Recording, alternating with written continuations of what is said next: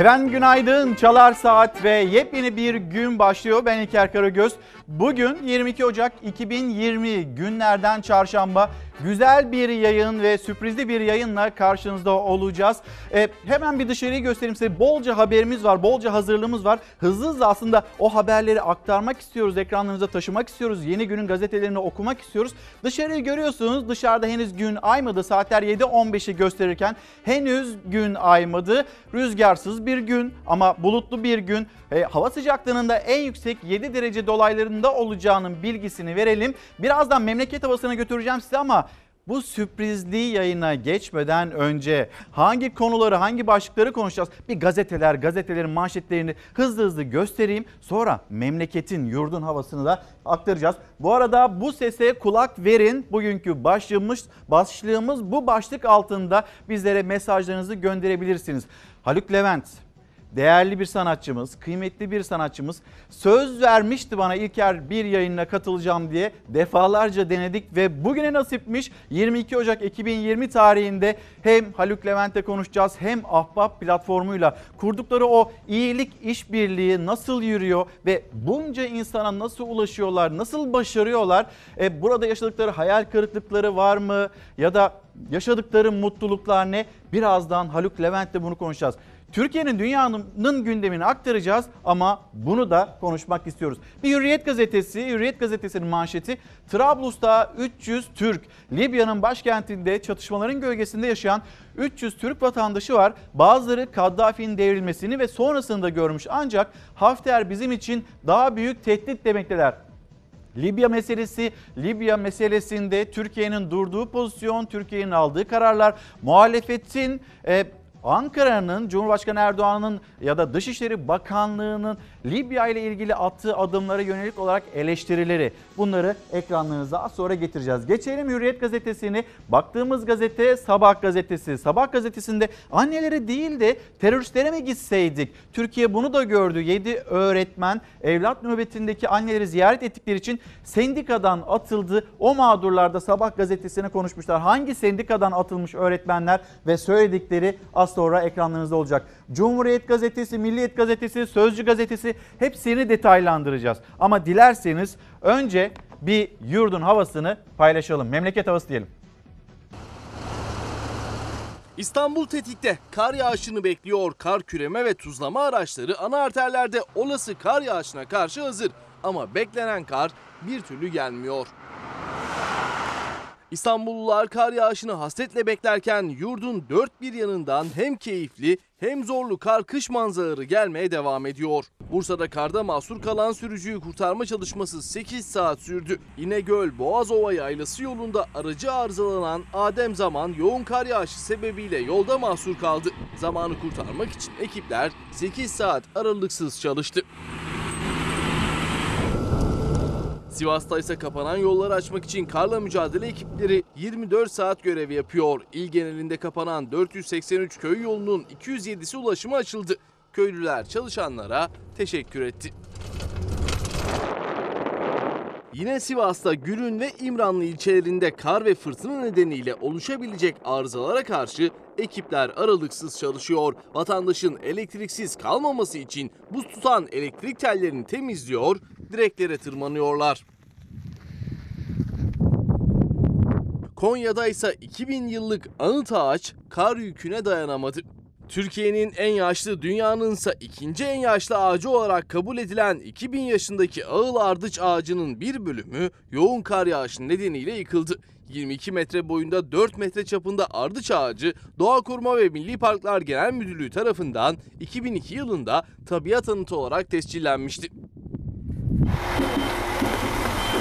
Trabzon'da ise çocuklara kar sürprizi vardı. Şehir merkezine bir türlü kar yağmayınca Ortahisar Belediyesi Zigana Dağları'ndan kamyonlarla kar getirdi. Ortahisar Belediye Başkanı Ahmet Metin Genç çocukların birkaç yıldır kara hasret kaldıklarını söyledi. Genç çocuklara kar ne hediyesi vermek istedik, kar sevincini ve heyecanını yaşasınlar diye elimizden gelen gayreti gösterdik dedi. Gece saatlerinde Kayseri'de etkili olmaya başlayan kar yağışı Erciyes'te kartpostallık görüntüler oluşturdu. Ankara'nın Gölbaşı ilçesinde bulunan Mogan Gölü'nün de bir bölümü soğuk hava nedeniyle buz tuttu. Hakkari'de sonbaharda göç mevsimini kaçıran leyleklere köylü sahip çıktı. Yüksekova'nın Köprücük köyüne ilkbaharda gelen ve sonbaharda göç edemedikleri için bölgeden ayrılamayan iki leyleğe bu kış günlerinde köylüler bakıyor. Köylüler leyleklerin zarar görmemesi için ellerinden geleni yaptıklarını söylüyor. Meral Hanım günaydın. İzmir'e selamlarımızı iletelim. Yılmaz Tosun Sivas Şarkışla Yahyalı köyünden kucak dolusu sevgiler Haluk Levent'e lütfen selamlarımızı söyleyin demiş. Birazdan Haluk Levent'i Ahbap platformunu burada ağırlayacağız. Çalar Saat'te ağırlayacağız. Ahbap nedir, nasıl ortaya çıktı, nasıl bir anda böyle bir harika iyilik platformu haline geldi. Konuşmak istiyoruz kendisiyle ve bu çabalar daha nasıl ilerleyebilir, bakanlıklarla protokolleri var mı? Konuşmak istiyoruz, anlamak istiyoruz. Bunun gibi örneklerin de aslında çoğalmasını istiyoruz. Bu sese kulak verin başlığı altında da konuşalım isteriz. Cumhuriyet Gazetesi dar, e, darbe öncesi kaos planı manşeti FETÖ'den tutuklu MİTçi Altaylı'dan darbe girişimine hazırlık raporu. Eski MİT mensubu Enver Altaylı hakkında FETÖ yöneticisi olduğu ve casusluk yaptığı iddiasıyla hazırlanan iddianamede çarpıcı detaylar yer aldı. İddianamede Altaylı'nın kanlı darbe girişiminden 1-2 gün önce Ankara'ya geldiği 15 Temmuz gecesi Cumhurbaşkanı Erdoğan'ın eski danışmanı Mücahit Arslan'la görüştüğü ilginç bir iddia 1-2 gün sonra da başkentten ayrıldığı belirtiliyor. Alican Uludağ'ın Cumhuriyet Gazetesi'ndeki haberi manşet haberi iddianamede Altaylı'nın 15 Temmuz darbe girişiminden 5 ay önce Türkiye'de bir askeri darbe ortamı hazırlanmasına yönelik rapor hazırladığı, çok hassas bilgileri dezenforme ederek CIA bağlantılı kişilere servis ettiği kara propaganda ve soğuk savaş metotları kullanarak ülkede kaos ortamı oluşturacak nitelikte faaliyetler yürüttüğü aktarıldı. Darbe öncesi kaos planı Alican Uludağ'ın e, manşet haberi bu arada siyasette e, acaba FETÖ, FETÖ'nün bir siyasi ayağı yok mu? Her tarafta e, bu ayaklar bulundu da e, acaba siyaseten bunlara destek olan ya da eğer darbe çok şükür ki bu başarılı olmadı. Eğer darbe başarılı olsaydı Yönetimi kimler ele alacaktı siyasetten? Bu soruyu soran isimlerden bir tanesi MHP lideri Devlet Bahçeli. Ve yine ana muhalefet dillendiriyor, muhalefet dillendiriyor. Gelin şu siyasi ayağı da mecliste var mı yok mu bir konuşalım, bir tartışalım, bir araştırma önergesi verelim de bir komisyon kuralım deniliyor. Ama bununla ilgili gelişmelere baktığımızda ya da meclis başkanının cümlelerine baktığımızda şaşıracaksınız. Ya da e, gerçekten kim haklı, kim doğruyu söylüyor ya da FETÖ ile mücadele bu mecrada olduğu gibi mi devam etmeli? Bu soruları da soralım. S-400'de teknoloji şoku. 2 S-400 sistemi ile 120 füze getirildi ama teknoloji paylaşımı yok. Türkiye'nin Rusya'dan aldığı S-400 füzeleri için yapılan anlaşmanın teknoloji paylaşımı içermediği ortaya çıktı. Ama en başında mesela biz Patriot'ları Amerika Birleşik Devletleri'nden almak istediğimizde bizim hava savunma sistemimiz yok. Bizim hava sahamız bir güvensizlik içinde. Patriot verin denildiğinde Ankara'ya e, işte senatoya sormamız lazım vesaire bu cümleler kurulmuştu. Ve Amerika Birleşik Devletleri Patriot'ları satmamıştı. Biz de bunun karşılığında S-400 alırız demiştik. Amerika Birleşik Devletleri ile bunun gerilimi hala devam ediyor. Siz NATO'ya üye olan bir ülkesiniz. Nasıl gidip de NATO'nun e, müttefik olarak görmediği, belirlemediği hatta düşman olarak işaretlediği bir ülkeden Rusya'dan hava savunma sistemi alırsınız. NATO'nun şifrelerini onlara nasıl açık hale getirirsiniz diye bir takım eleştiriler gelmekteydi. S-400'leri alıyoruz. Biz alırız hava savunma sistemimizi korumak ya da hava sahamızı korumak zorundayız. Teknolojisiyle birlikte alacağız biz bu S-400 sistemini bu şekilde anlatılmıştı. Yavaş yavaş o rampalarda gelmeye başladı. Kurulum sürecine geçildi ama öğreniyoruz ki mesela Cumhuriyet Gazetesi'ndeki haberden e, böyle bir teknoloji transferinin olmayacağı iddiası var. Rusya'ya ne kadar güvenilir? Amerika Birleşik Devletleri'ne güvenmiyoruz ama Rusya'yı ne kadar muteber, kıymetli hale getirebiliriz? Bunu da değerlendirmemiz gerekiyor. Aydınlık Gazetesi Erbil'den Amerika Birleşik Devletleri'ne Gazprom şoku manşeti. Amerika Birleşik Devletleri Orta Doğu'da Kürt halkını da kaybediyor. Kuzey Irak bölgesel yönetiminin Amerika Birleşik Devletleri bir petrol şirketine verdiği 6 sahadan 3'ünü e, Rus bir şirkete e, devredeceği öğrenildi.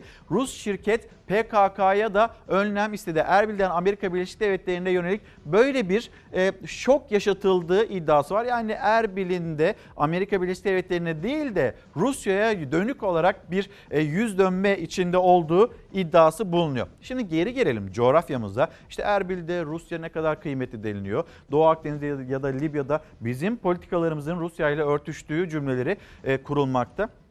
Peki İdlib İdlib'de Rusya, İran ve Türkiye siviller zarar görmesin diye bir anlaşmaya, ortak bir metne imza atmışlardı. Mutabakata varmışlardı. Ama o mutabakat hem Rusya'nın eliyle hem de İran'ın eliyle ve rejimi de destekleyerek çöpe atılmış durumda. Orada insanların üzerlerine Rusya'nın desteğiyle bomba yağmakta. Türk Silahlı Kuvvetleri, Ankara Milli Savunma Bakanı Hulusi Akar biz o bölgeden çıkmayacağız. Oradaki güvenlik noktalarını terk etmeyeceğiz. Oradaki sivilleri korumaya devam edeceğiz. Bu mesajları veriyor ama oradaki tehdit adım adım büyüyor. İnsanlar evlerini, yurtlarını terk edip yavaş yavaş Türkiye sınırına doğru gelmeye başladılar. Ve şu anda dün akşam verilen yerel kaynakların verdiği bilgiye göre 35 kişi daha İdlib'de yaşamını yitirdi.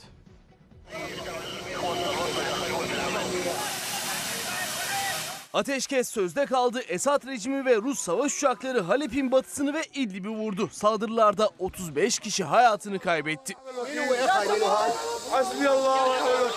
12 Ocak'ta İdlib'de ateşkes sağlandığı duyurulmuştu ama Esad rejimi o ateşkese uymadı. Muhalifleri, sivilleri vurmaya devam etti. Cumhurbaşkanı Erdoğan 14 Ocak'ta mecliste AK Parti grup toplantısında ateşkesin ihlal edildiğini vurguladı. Saldırılardan kaçan 400 bin İdliblinin Türkiye'ye doğru harekete geçtiğini söyledi. Rejimin artan saldırılarından kaçan ve sayıları 400 bini bulan İdlibli kardeşlerimiz ülkemiz sınırlarına doğru harekete geçti. İdlib'deki ateşkes çabaları sonuçsuz kaldı. Dün de Esad rejimi ve Rus savaş uçakları Halep'in batısına ve İdlib'e ağır saldırılar düzenledi. Saldırılarda aralarında çocuk ve kadınların da olduğu 35 kişi hayatını kaybetti. Onlarca kişi yaralandı. İdlib'de sivil savunma ekipleri enkaz altında kalanları kurtarmak için çalışmalarını sürdürüyor. Özgür Aksun'a günaydın. Haluk Levent'e lütfen selam söyleyin. Adana Çukurova Üniversitesi'nden dersiniz demekte. Evet birazdan Haluk Levent'i ve Ahbap platformunu burada ağırlayacağız. Haluk Levent bildiğiniz üzere Ahbap platformunun genel başkanı. Bu Ahbap platformu ne? Hayatımıza nasıl girdi ve bizlere, kalplerimize, vicdanlarımıza nasıl iyi geldi? Bunu birazdan konuşacağız. Gazete Pencere manşeti görevini yaptı, gidiyor. Mühürsüz oy pusulası ve İstanbul seçiminin iptali nedeniyle çok tartışılan Yüksek Seçim Kurulu Başkanı Sadi Güven emekli olmadan hemen önce açıklama yaptı. Gönlüm rahat dedi. YSK Başkanı Sadi Güven 7 yıllık görev süresinin ardından emekliye ayrılıyor. Güven başkanlık yaptığı sürede 2 Cumhurbaşkanlığı, 3 milletvekilliği, 2 mahalli idareler seçimi, bir halk oylaması yönetti. Güven'in tarihe geçmesinin nedeni ise mühürsüz oyları geçerli sayma ve İstanbul seçiminin iptali kararları. Gerçi İstanbul seçiminde e, Sadi Güven'in oyu hayır bu e, seçimlerin iptal edilmemesi gerekiyor. Bu yöndeydi ama ondan önceki işte re, referandumda mühürsüz oylar yine e, kabul edilir e, şeklinde bir değerlendirmede bulunmuştu. Sadi Güven'in cümleleri dikkat çekici. Dünyanın en güvenilir seçim sistemi ya da seçim organizasyonu bizde demekte. Yüksek Seçim Kurulu Başkanı ve gönlüm rahat bir şekilde e, bu görevi de yeni bir arkadaşıma devredebilirim. Bundan sonra emekliliğimi yaşayabilirim. Verdiği mesajlar bu şekilde. Peki madem dünyanın en güvenilir seçim sistemi bizde nasıl oldu da biz mesela İstanbul seçimini bir kez daha yaptık? Dünyanın en iyilerinden birisiyiz. Yani Türkiye'de seçim ne kadar tartışılsa tartışsın seçim güvenliği açısından en iyilerinden birisiyiz. Seçimde e, güvenlik çok önemli. E, bir ara çok e, etki etmemesine rağmen elektrik kesintisi e, üzerinden tartışmalar oldu. Bu seçim sonuçlarını etkileyen bir şey değildi. Hiç de etkilemedi. Dünyanın birçok yerinde zarf uygulaması kaldırıldı. Zarfın artık kaldırılması e, gerekir. Biyometrik e, kimliği e, bizim de çok çabuk bir şekilde kullanmamız e, gerekir. E, Yüksek Seçim Kurulu buna hazır. Keşkelerle yaşamadım. Keşkelerle yaşamak da istemedim. Hep e, hayatımda iyi ki e, demeyi sevdim. Bir terzi çocuğuyum. Yani e, babam terziydi. Annem okumayı sonra öğrendi. Annem buraya onların fedakarlıklarıyla geldim. Allah razı olsun. E, Allah rahmet eylesin. İyi ki buradayım. Yani e, iyi ki beni okutmuşlar. Devletimize hizmet için işte buralarda e, bulunduk. Gazete Pencere ile devam edelim. Seçtiğimiz diğer haberlere gelelim. Siyasi ayak fırtınası Erdoğan'ın FETÖ'nün siyasi ayağı varsa muhalefette var sözlerine Cumhuriyet Halk Partisi'nden ve İyi Parti'den çok sert yanıt var. CHP Grup Başkan Vekili Engin Özkoç Erdoğan'a darbeci generalleri atayanlar FETÖ'nün siyasi ayağıdır yanıtını verdi. Yavuz Ağaralioğlu ise FETÖ'cülük sıfatının siyasi mevziyi ele geçirme için kullanıldığını söyledi. Birazdan bu konuya geleceğiz ama şuradan devam edelim. Ekonomiyle ilgili haberler var. Onlarla da e, onlardan da biraz bahsedelim. Hazine ve Maliye Bakanı 2019 yılının fena geçmediğini, 2020 yılının harika geçeceğini söyledi. Elektrikle ilgili de bir açıklama yapmıştı. Dün Milli Gazete'den bunu e, okumuştum sizlere ya. Elektriğe yapılan zamlar biz e, işte iki kez zam yaptık, bir kez de indirim yaptık. Aslında işte maliyetleri hesaba kattığımızda, dolardaki artışı hesaba kattığımızda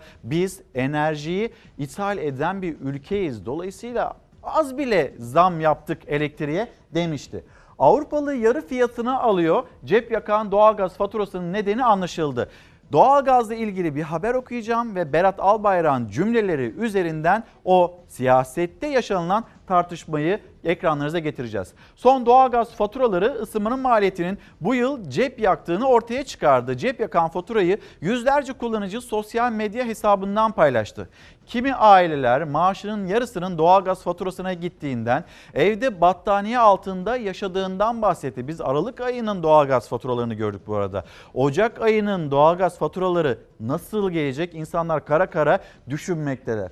Enerji piyasası verilerine göre 1000 metreküp doğal gazın fiyatı Avrupa'da 110-120 dolar seviyesindeyken Türkiye'ye gelen gazın fiyatı 250 ila 280 dolar. Yani Türkiye'de doğal gaz kullanıcısı Avrupalılara göre dolar bazında iki katı ödeme yapılıyor. Bu rakamlar Türkiye'de kullananların, kullanıcıların doğal gaz faturasını ödemekte neden zorlandığını da gösteriyor. Biz doğalgazı daha pahalı satın alıyoruz. Bu arada artık ısınmak da taksitle İGDAŞ'ın bir çalışması doğalgazda fahiş faturalara çözüm taksit oldu. İGDAŞ doğalgaz faturalarına vade farksız taksit uygulaması başlattı. Çalışmaya 13 bankanın da katılacağı bilgisini aktarmış olalım. Artık ısınmakta taksitle. Gelelim elektrik faturalarına. Elektrik faturalarına gelen zamlar az bile dedi.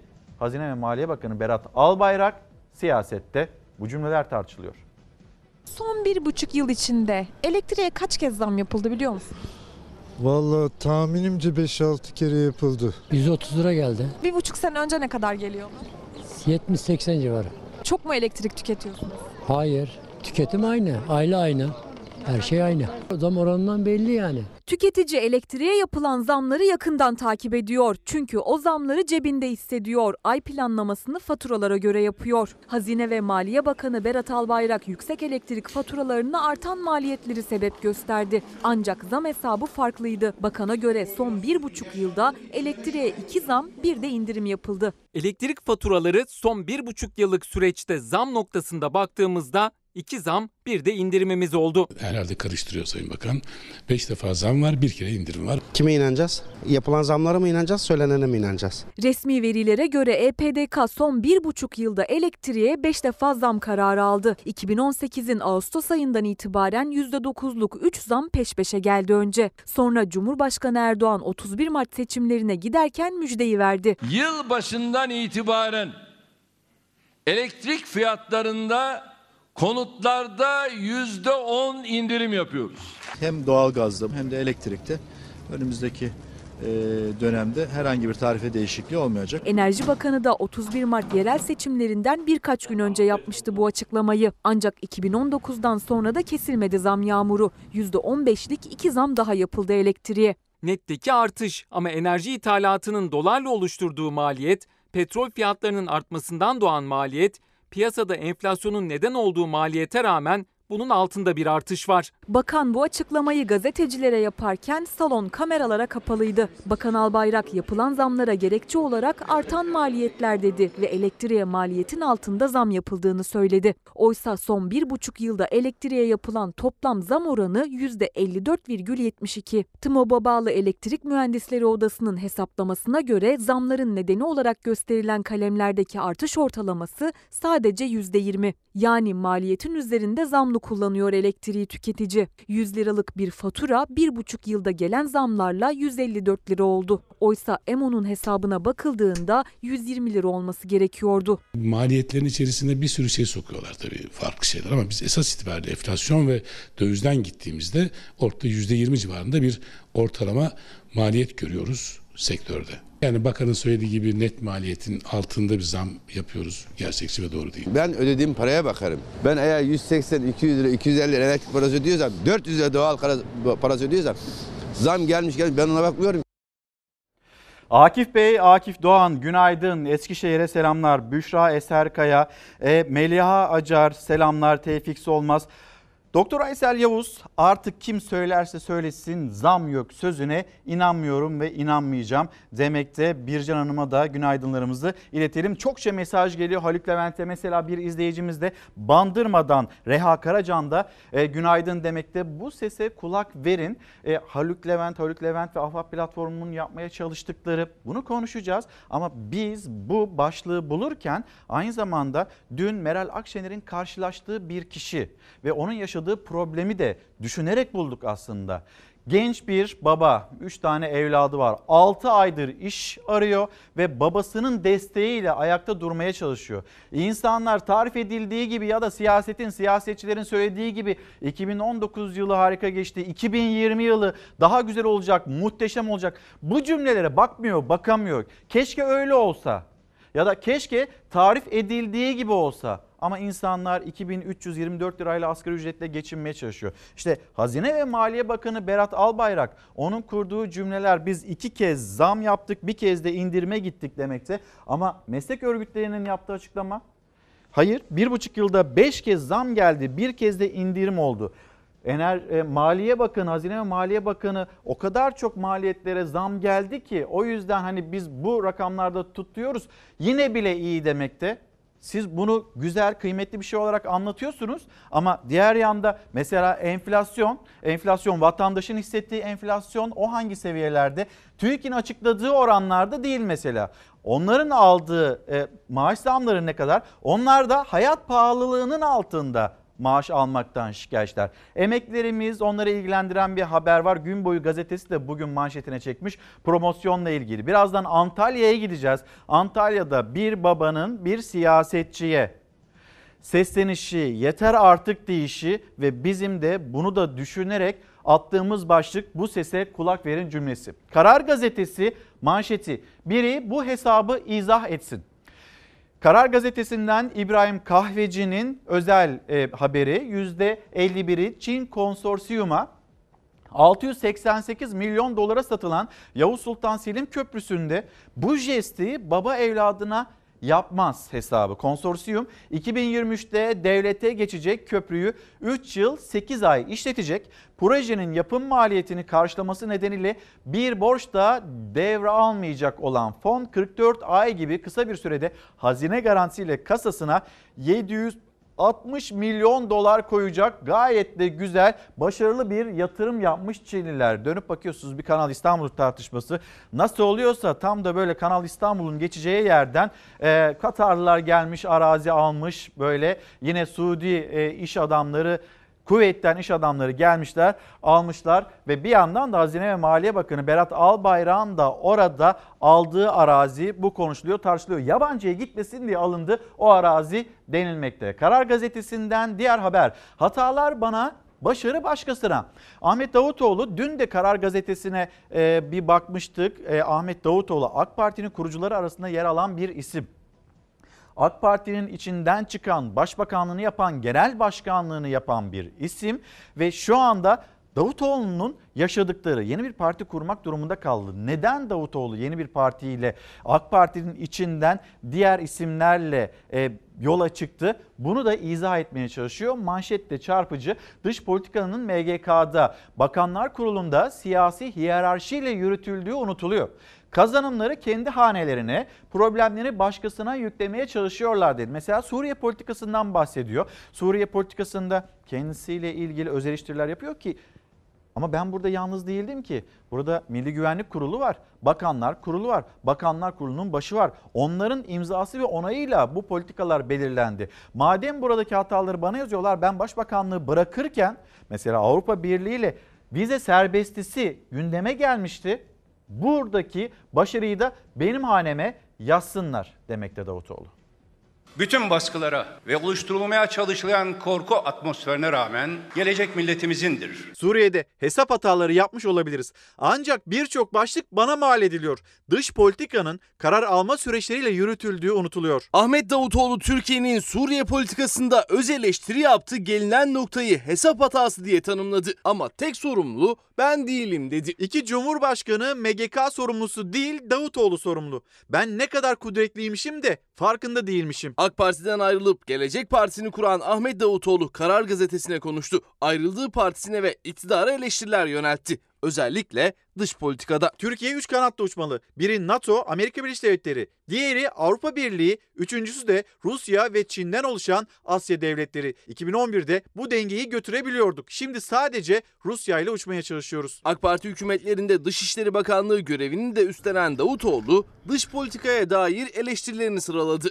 Faturanın kendisine çıkarılmasına itiraz etti. Hatalar bana, başarılar başkasına yazılıyor dedi. Dış politikanın Milli Güvenlik Kurulu'nda, Bakanlar Kurulu'nda hiyerarşiyle yürütüldüğü unutuluyor. Kazanımları kendi hanelerine, problemleri başkasına yüklemeye çalışıyorlar. Başbakanlıktan ayrıldığımda Avrupa Birliği ile vize muafiyeti anlaşması imzalamak üzereydik. O zaman onu da haneye yazın. Davutoğlu Doğu Akdeniz'de yaşanan gerginliğe de değindi. Türkiye herkesle temas kurmalı dedi. Görüş ayrılıkları bir kenara bırakılarak Lübnan'la, Mısır'la yoğun olarak temas kurulmalı. Sisi'nin darbeci karakteri parantez içine alınarak Mısır'la Akdeniz sorunu görüşülmeli.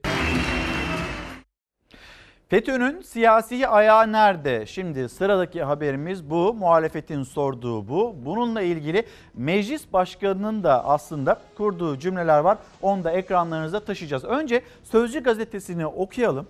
Meclis başkanının kurduğu cümleler. Onu ekranlarınıza taşıyalım. Sonra da Bir Gün gazetesinin başlıklarıyla devam edelim. Sözcü gazetesi Eski MİTçi darbeden önce CIA ajanıyla 53 kez görüşmüş. FETÖ'den tutuklu eski MİTçi Enver Altaylı'nın CIA bağlantıları ortaya çıktı. Ajanlarla görüşmeleri ve onlarla çektirdiği fotoğraflar iddianamede yer aldı. Altaylı 15 Temmuz'dan 5 ay önce askeri darbe için ortam hazırlığına ilişkin rapor hazırlamış. Savcılığın iddianamesinde Enver Altaylı'nın çok sayıda CIA mensubuyla ilişki kurduğu, CIA görevlisi e, Frears'la 53 kez telefonda görüştüğü bilgisi yer aldı. Öyle zannediyorum biz şimdi biz bu haberi okuyoruz. FETÖ'cülerin CIA ile bağlantılı olması bu başlık sizi çok fazla şaşırtmıyordur. 15 Temmuz'dan 2 gün önce Ankara'ya gelen Altaylı'nın bilgisayarında ele geçirilen haritada kalkışma yaşanan önemli yerlerin işaretlenmiş olduğu belirtildi. Şimdi FETÖ'nün siyasi ayağı bu çokça konuşuluyor. Sözcü gazetesinin manşetini de okuyalım. Meclis Başkanı'nın kurduğu cümleleri getirelim ekranlarınıza. En tehlikeli silah 220 Taksim 7. Profesör Ersan Şen üyesi olmamakla birlikte örgüte yardıma ilişkin bu TCK maddesiyle herkesin suçlanabileceğini söyledi. Ceza hukukçusu Profesör Ersan Şen Habertürk'teki Türkiye'nin nabzı programında yargıda tehlikeli yere gidiyoruz dedi ve ekledi. Şu anda bizim kanun kitabımız FETÖ tipi yapıları ortaya çıkarmakta hala yetersiz. En tehlikeli silah 220. maddenin 7. fıkrası. Üyesi olmadığın örgüte bilerek yardım etme diyen Şen bu maddeyle herkesin suçlanabileceğine dikkat çekti. Hukuku ayaklar altına almamalıyız uyarısında bulundu. Bu madde nedeniyle pek çok kişi hapis cezasına çarptırıldı. Hapis yatmak durumunda kaldı. Üye olmamakla birlikte örgüte yardım. Senelerce siz FETÖ ile ilgili yazılar yazın. FETÖ'nün ne kadar tehlikeli bir yapı olduğunu anlatın. Mesela Emin Çöreşan bir gazeteci, Sözcü gazetesi, Sözcü gazetesinin karşı karşıya kaldığı dava. Örgüte üye olmamakla birlikte örgüte yardım. İşte bunun en tehlikeli silah olduğuna dikkat çekiyor ceza hukukçusu Profesör Ersan Şen. Şimdi bir meclise gidelim. Meclis Başkanı Mustafa Şentop, onun kurduğu cümleler mecliste ya da siyasetin içinde bir FETÖ yapılanması ya da FETÖ'nün siyasi ayağı var mı yok mu? Bu mecradaki çalışmalar nasıl gidiyor? hangi ayak olduğuna bakılmaksızın öyle bir mücadeleyi emniyet güçlerimiz, e, güvenlik güçlerimiz, istihbarat e, kurumlarımız, yargı kurumlarımız yürütüyor. Siyasi ayak için e, ayrı bir mecra düşünmeye gerek var mı? Bunu soruyorum. Bu mücadeleyi de aynı şekilde siyasi ayakla ilgili de kurumlarımız yürütüyor. Emniyet ve yargı kurumlarımız. Nitekim bununla ilgili yakalananlar var, yargılananlar var, mahkum olanlar var. Ee, demek ki bunu kendi olağan akışı içerisinde e, sürdürmemiz zaten e, devam ediyoruz, sürdürüyoruz, sürdürmemiz de gerekir diye düşünüyorum. Yargıda zaten bunun tartışması ya da çalışması devam ediyor diyor meclis başkanı. Bir kez daha meclise getirmek, bununla ilgili bir araştırma yapmaya gerek yok. Yaptığı açıklama bu şekilde ama muhalefet hep gündemde tutmak istiyor. 15 Temmuz'un bir siyasi ayağı da olmalı. Ticarette, askeriyede, sokakta, günlük yaşamda varsa siyasetin içinde de bunun bir ayağı olması gerekiyor ve onların da bulunması gerekiyor demekte. Bir gün gazetesi Berlin'den elde kalan Hafter'in meşruluğu. Libya'daki siyasi krize çözüm umuduyla Berlin'de gerçekleştirilen zirve AKP hükümetinin tüm aksi iddialarına rağmen Türkiye açısından hayal kırıklığıyla sonuçlandı. Orta Doğu uzmanı Faik Bulut zirveyi değerlendirdi. İktidar büyük bir başarı kazandık diyebilir. Bunu kamuoyuna böyle yansıtabilir. Ama madalyonun görünmeyen yüzü öyle değil. Muhalefete baktığınızda, iktidara baktığınızda Berlin'de böyle bir masanın kurulması önemliydi. Libya'da kalıcı bir ateşkesin sağlanması hedeflerden birisi buydu. Ama Berlin'de bu toplantı başladı, yapıldı daha fare doğurdu dedirten bir sonuç ortaya çıktı. Bir bakalım taraflara Hafter'e bakalım, Saraj'a bakalım. Onlar acaba e, bu çatışmasızlığı yürütebilecekler mi? Bir yandan da işte onlara destek veren ülkeler, bu çatışma ortamına destek veren ülkeler özellikle Rusya e, onlara yönelik e, uyarılar da içeren bir buluşma gerçekleşti Berlin'de. Ve bunun da siyasette kuşkusuz tartışması devam ediyor. Sorular var. Libya'da e, ateşkes nasıl sağlanacak? Kalıcı ateşkes nasıl sağlanacak? Siyasi çözüme nasıl ulaşılacak? Sorulardan bir tanesi bu. Ve ikinci soru Türkiye bu görüşmeler içinde Berlin'de ya da diğer trafik içinde, diplomasi trafiği içinde ara buluculuk yaptı mı, yapmadı mı? Dışarıdan bu lejyonerlerin gelmesi gündeme geldi ve ateşkesin devam ettiği sürece de kimse ilave oraya silah ya da güç göndermesi. Hatta tüm katılımcılar buna da riayet edeceklerini söylediler. Libya'ya önce ateşkes sonra siyasi çözüm gelecek mi? Türkiye'nin de yer aldığı Berlin zirvesi dışarıdan askeri desteğin kapısını kapattı ama ateşkes için imzadan kaçan Hafter soru işaretlerini artırdı. Hafter çözüm istiyor mu istemiyor mu? Bugüne kadarki tüm tutumları askeri çözüm istediğini işaret ediyor. Askeri mi diplomatik çözüm mü kalıcı ateşkesi sağlayacak? Libya'da soru işareti. İç siyasette ise CHP ve iktidar arasındaki ara buluculuk bilmecesi bitmek bilmiyor. Meşru hükümetle darbeci arasında arabulucu olunur mu? Arabulucular olarak Libya'daki tüm taraflara sürdürülebilir bir ateşkes ilan etmek için derhal bir müzakere masasının etrafında bir araya gelme çağrısında bulunuyoruz. Türkiye'ye düşen arabuluculuktur dediğimizde Erdoğan ne yapmıştı? Bize hoplamıştı. Ama aynı şeyi Putin söyleyince tak diye üstüne atlıyor.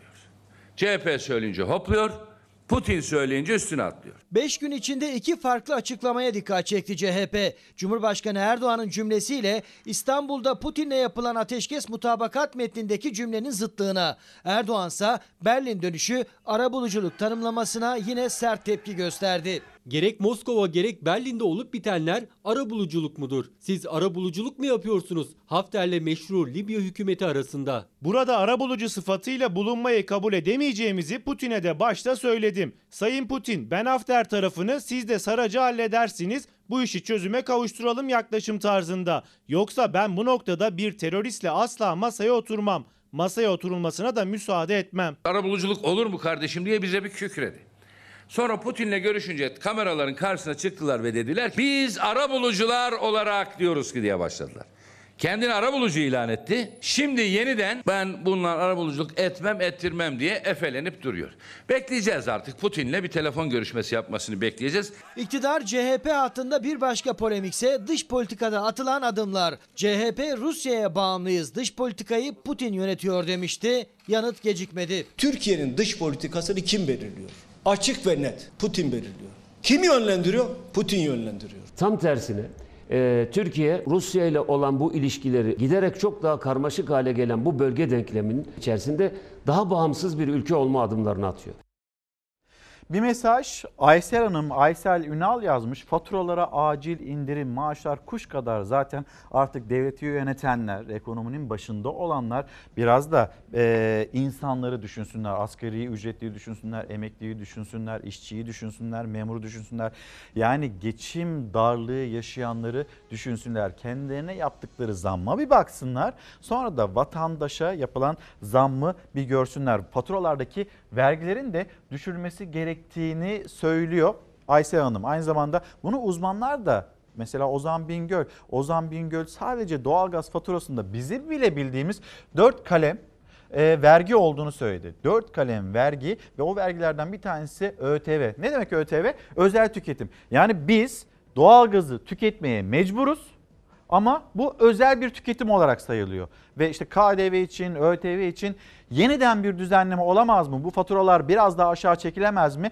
Devletin vergi kaybı yaklaşık 100 milyar lira olunca hiç ben zannetmiyorum faturalarda böyle bir vergi indirimine gidilsin. Bakalım bir Bir Gün Gazetesi'nin manşetine Ocak faturası uyku kaçırıyor demekte. Aralık faturalarını gören yurttaşlar endişeyle Ocak faturalarını bekliyor. Avrupa son 10 yılın en ucuz doğalgazını tüketirken ısınma Türkiye'de lüks oldu. Özel tüketim. Ülke genelinde mevsim normallerinin üstünde bir sıcaklık yaşanmış olsa da Aralık ayı doğalgaz faturaları e, yurttaşı şok etti. Şimdi kara kara Ocak ayı faturasını bekliyor.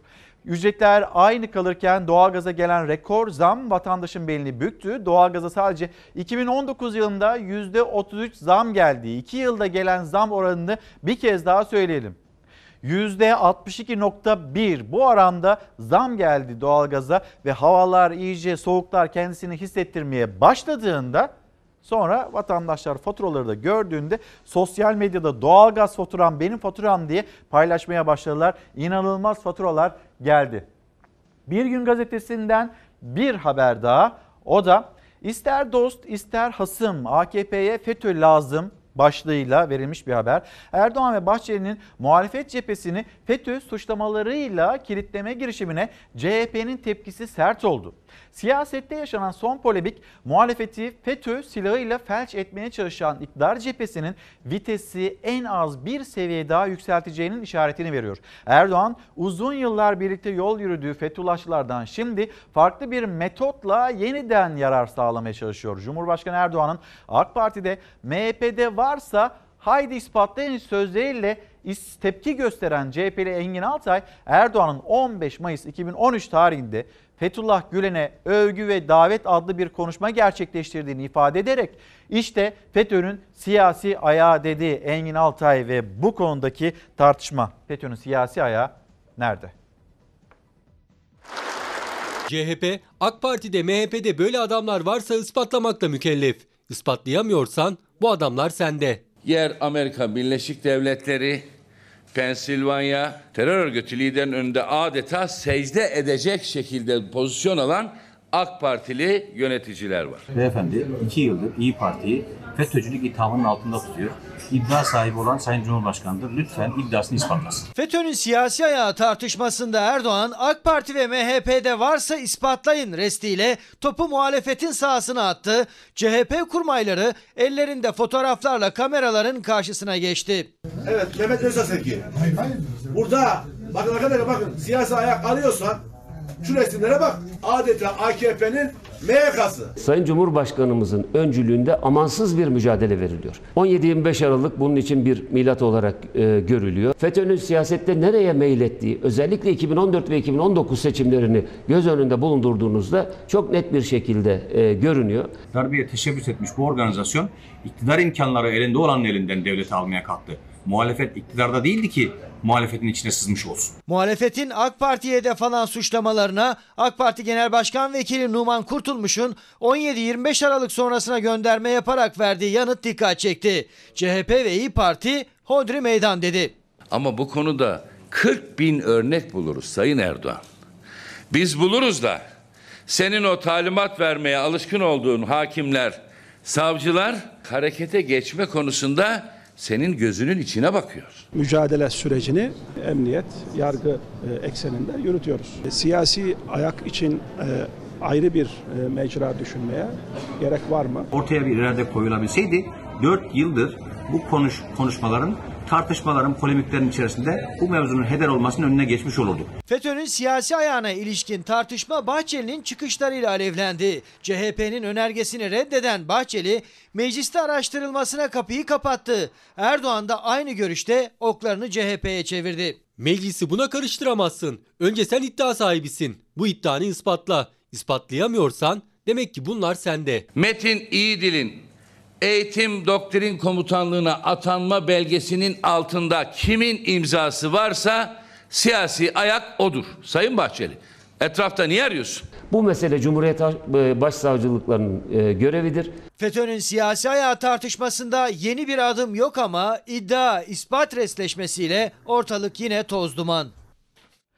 Emine Hanım günaydın. Antalya'ya selamlarımızı iletelim. Birazdan Antalya'ya gideceğiz. Bu sese kulak verin başlığı nereden çıktı? Onu anlatan bir haber. Meral Akşener. Meral Akşener'in Antalya'da karşılaştığı bir vatandaş. Devlet vatandaşın sesine kulak versin demekte. Emine Hanım, Emine Palalı işsizlik var, yoksulluk var, zam yağmurları var ve biz nasıl geçineceğiz? Lütfen bunu bize bir anlatsınlar demekte. Sinan Sözmen günaydın. Konuşacağımız çok konu var. Temel ihtiyaçlara vergiler neden indirilmiyor? Temel ihtiyaçlarda vergiler indirilmiyor. İşte çalışıyorsunuz daha maaşınız kaynağında kesiliyor. Adım atıyorsunuz vergiye. 66 kalem vergimiz vardı. 3 tane daha yeni vergi bulduk. O vergilerle ilgili tartışmalar devam ediyor. Mesela işte o de- değerli konut vergisi Cumhurbaşkanı Erdoğan'ın talimatıyla durdurulduğu üzerinde bir çalışma yapılıyor. Biz yeni yeni vergiler bulmaya çalışıyoruz. Sinan Bey hangi verginin kaldırılmasını e, konuşacağız. Akif Doğan Bey diyor ki doğalgazda taksit yapılacakmış. Bu konuda duyumlar var. Doğru mu diyor. Evet İstanbul için İGDAŞ'ın böyle bir çalışması var. 13 bankayla da bir e, protokolün imzalandığı söyleniyor. İstanbul'da böyle bir adım atılacak. Bir indirim yok. Yani taksit taksit ödeyeceksiniz. O da Mayıs ayına kadar geçerli olacak. Verilen bilgiler bu şekilde. Şimdi Yine FETÖ tartışmalarıyla devam edelim. Ee, eski MİTçi Kaşif Kozinoğlu ve yine Genelkurmay'ın es- 26. Genelkurmay Başkanı İlker Başbuğ onlarla ilgili kurulmuş olan kumpas bir FETÖ'cünün bilgisayarından çıktı.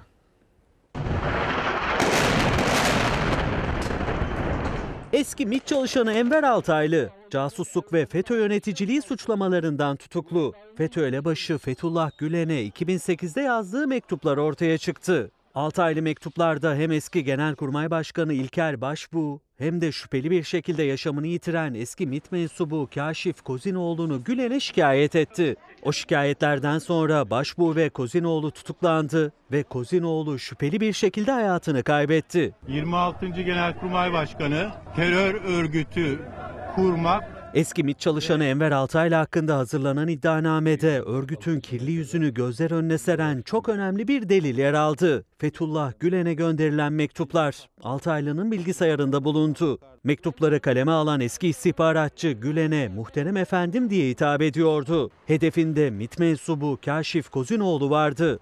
Özbekistan'daki FETÖ okullarının kapatılmasından Kozinoğlu'nu sorumlu tuttu Altaylı. Gülen'e etkisiz hale getirilmesi gerektiğini yazdı. Şenkal Atasoku'nun Özbekistan görevlisi olarak çalışan Kaşif Kozinoğlu terfi ettirilmiş ve merkezi Taşkent'teki Orta Asya istihbaratının başına getirilmiştir. Okulların kapatılma sürecinde en büyük ihanet payı adı geçen bu şahsa aittir. Kaşif Bey, bir şey söyleyecek misiniz? Kozinoğlu mektuptan 3 yıl sonra Ergenekon soruşturmasında tutuklandı. Sonra da Silivri cezaevinde kuşkulu bir şekilde hayatını kaybetti. Koğuş arkadaşı olan emekli albay Hasan Atilla Uğur, 2016 yılında yani mektuplar ortaya çıkmadan kumpası Fox Haber'e böyle anlatmıştı. Kaşif Kozinoğlu bundan ilgili 2010 yılında Milli İstihbarat Teşkilatı Müsteşarlığı'na çok kapsamlı bir rapor hazırlayıp göndermiş. Bu raporu gönderdikten sonra direkt olarak Fethullah terör örgütünün hedefi konumuna gelmişti. Altaylı mektupta Kozinoğlu'nun MİT müsteşarı olma ihtimaline de dikkat çekmiş. MİT müsteşarı olmaya çalışıyor. Böyle bir şey olursa Allah Fethullah Hoca Efendi'yi cemaatin önde gelenlerini korusun. Bu bir felaket olur.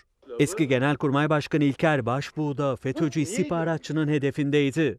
Başbuğ'un Gülen'e olumlu bakmadığını yazdı mektupta. Yeni Genelkurmay Başkanı zat-ı alinize ve yapılan hizmetlere bakışı son derece menfidir. Eski Genelkurmay Başkanı İlker Başbuğ da mektuptan 4 yıl sonra silahlı terör örgütü kurmak ve yönetmek suçlamasıyla tutuklandı. Kumpas ortaya çıkınca Başbuğ tahliye edildi. Kumpas kuranlar belli. Bunlar cezasız mı kalacak? Asla.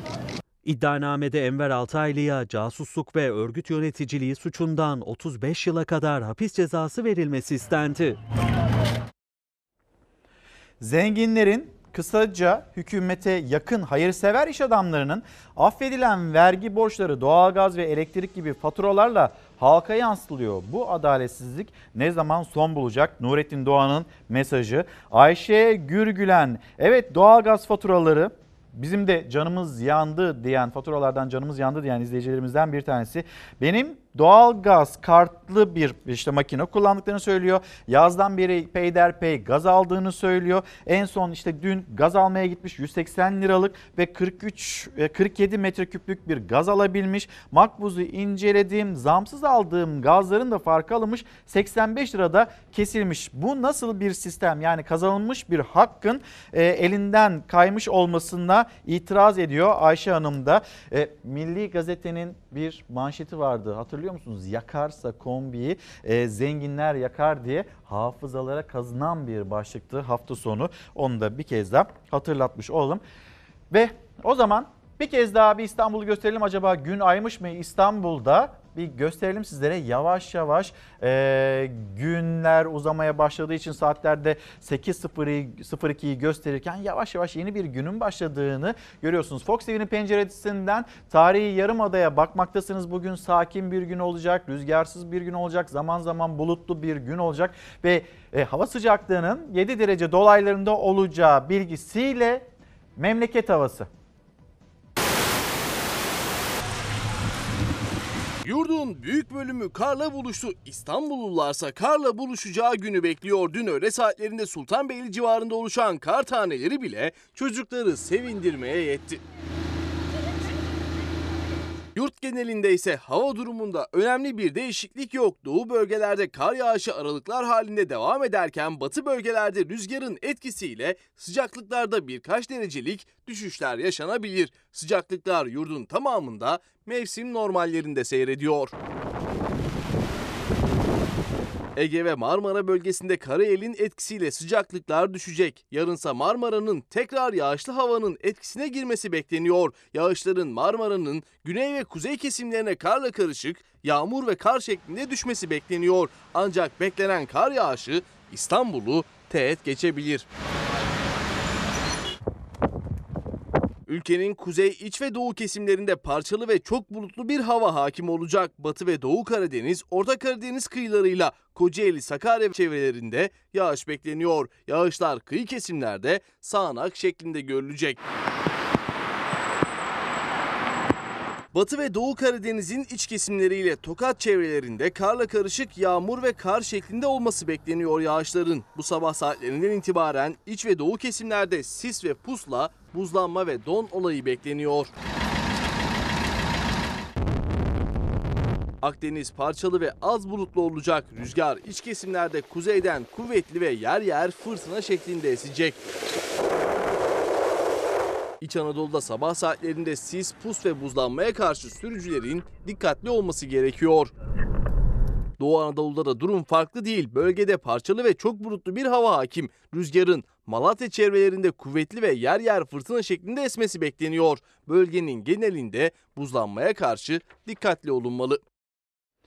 Twitter'dan gelen mesajlara da hemen bir bakalım. Can Bey göndermiş yeni yasa ve af diye duyumlar alıyoruz. Bu duyumların doğruluk payı nedir acaba? Evet bu konuyla ilgili çok uzun süredir çalışmalar yapıldığını biliyoruz ve yavaş yavaş da o çalışmaların sonuna gelindiği yönünde bilgiler paylaşılıyor. Yeni yargı e, düzenlemesinde böyle bir infaz e, yasası düzenlemesi yapılacak. Adana, Adana'ya günaydınlarımızı iletelim. Celal Topçu aracılığıyla e, bir otobüs fabrikası çalışanlarından birisiyim. 7 haftadır üretimi durmuş olan bir e, otobüs fabrikası.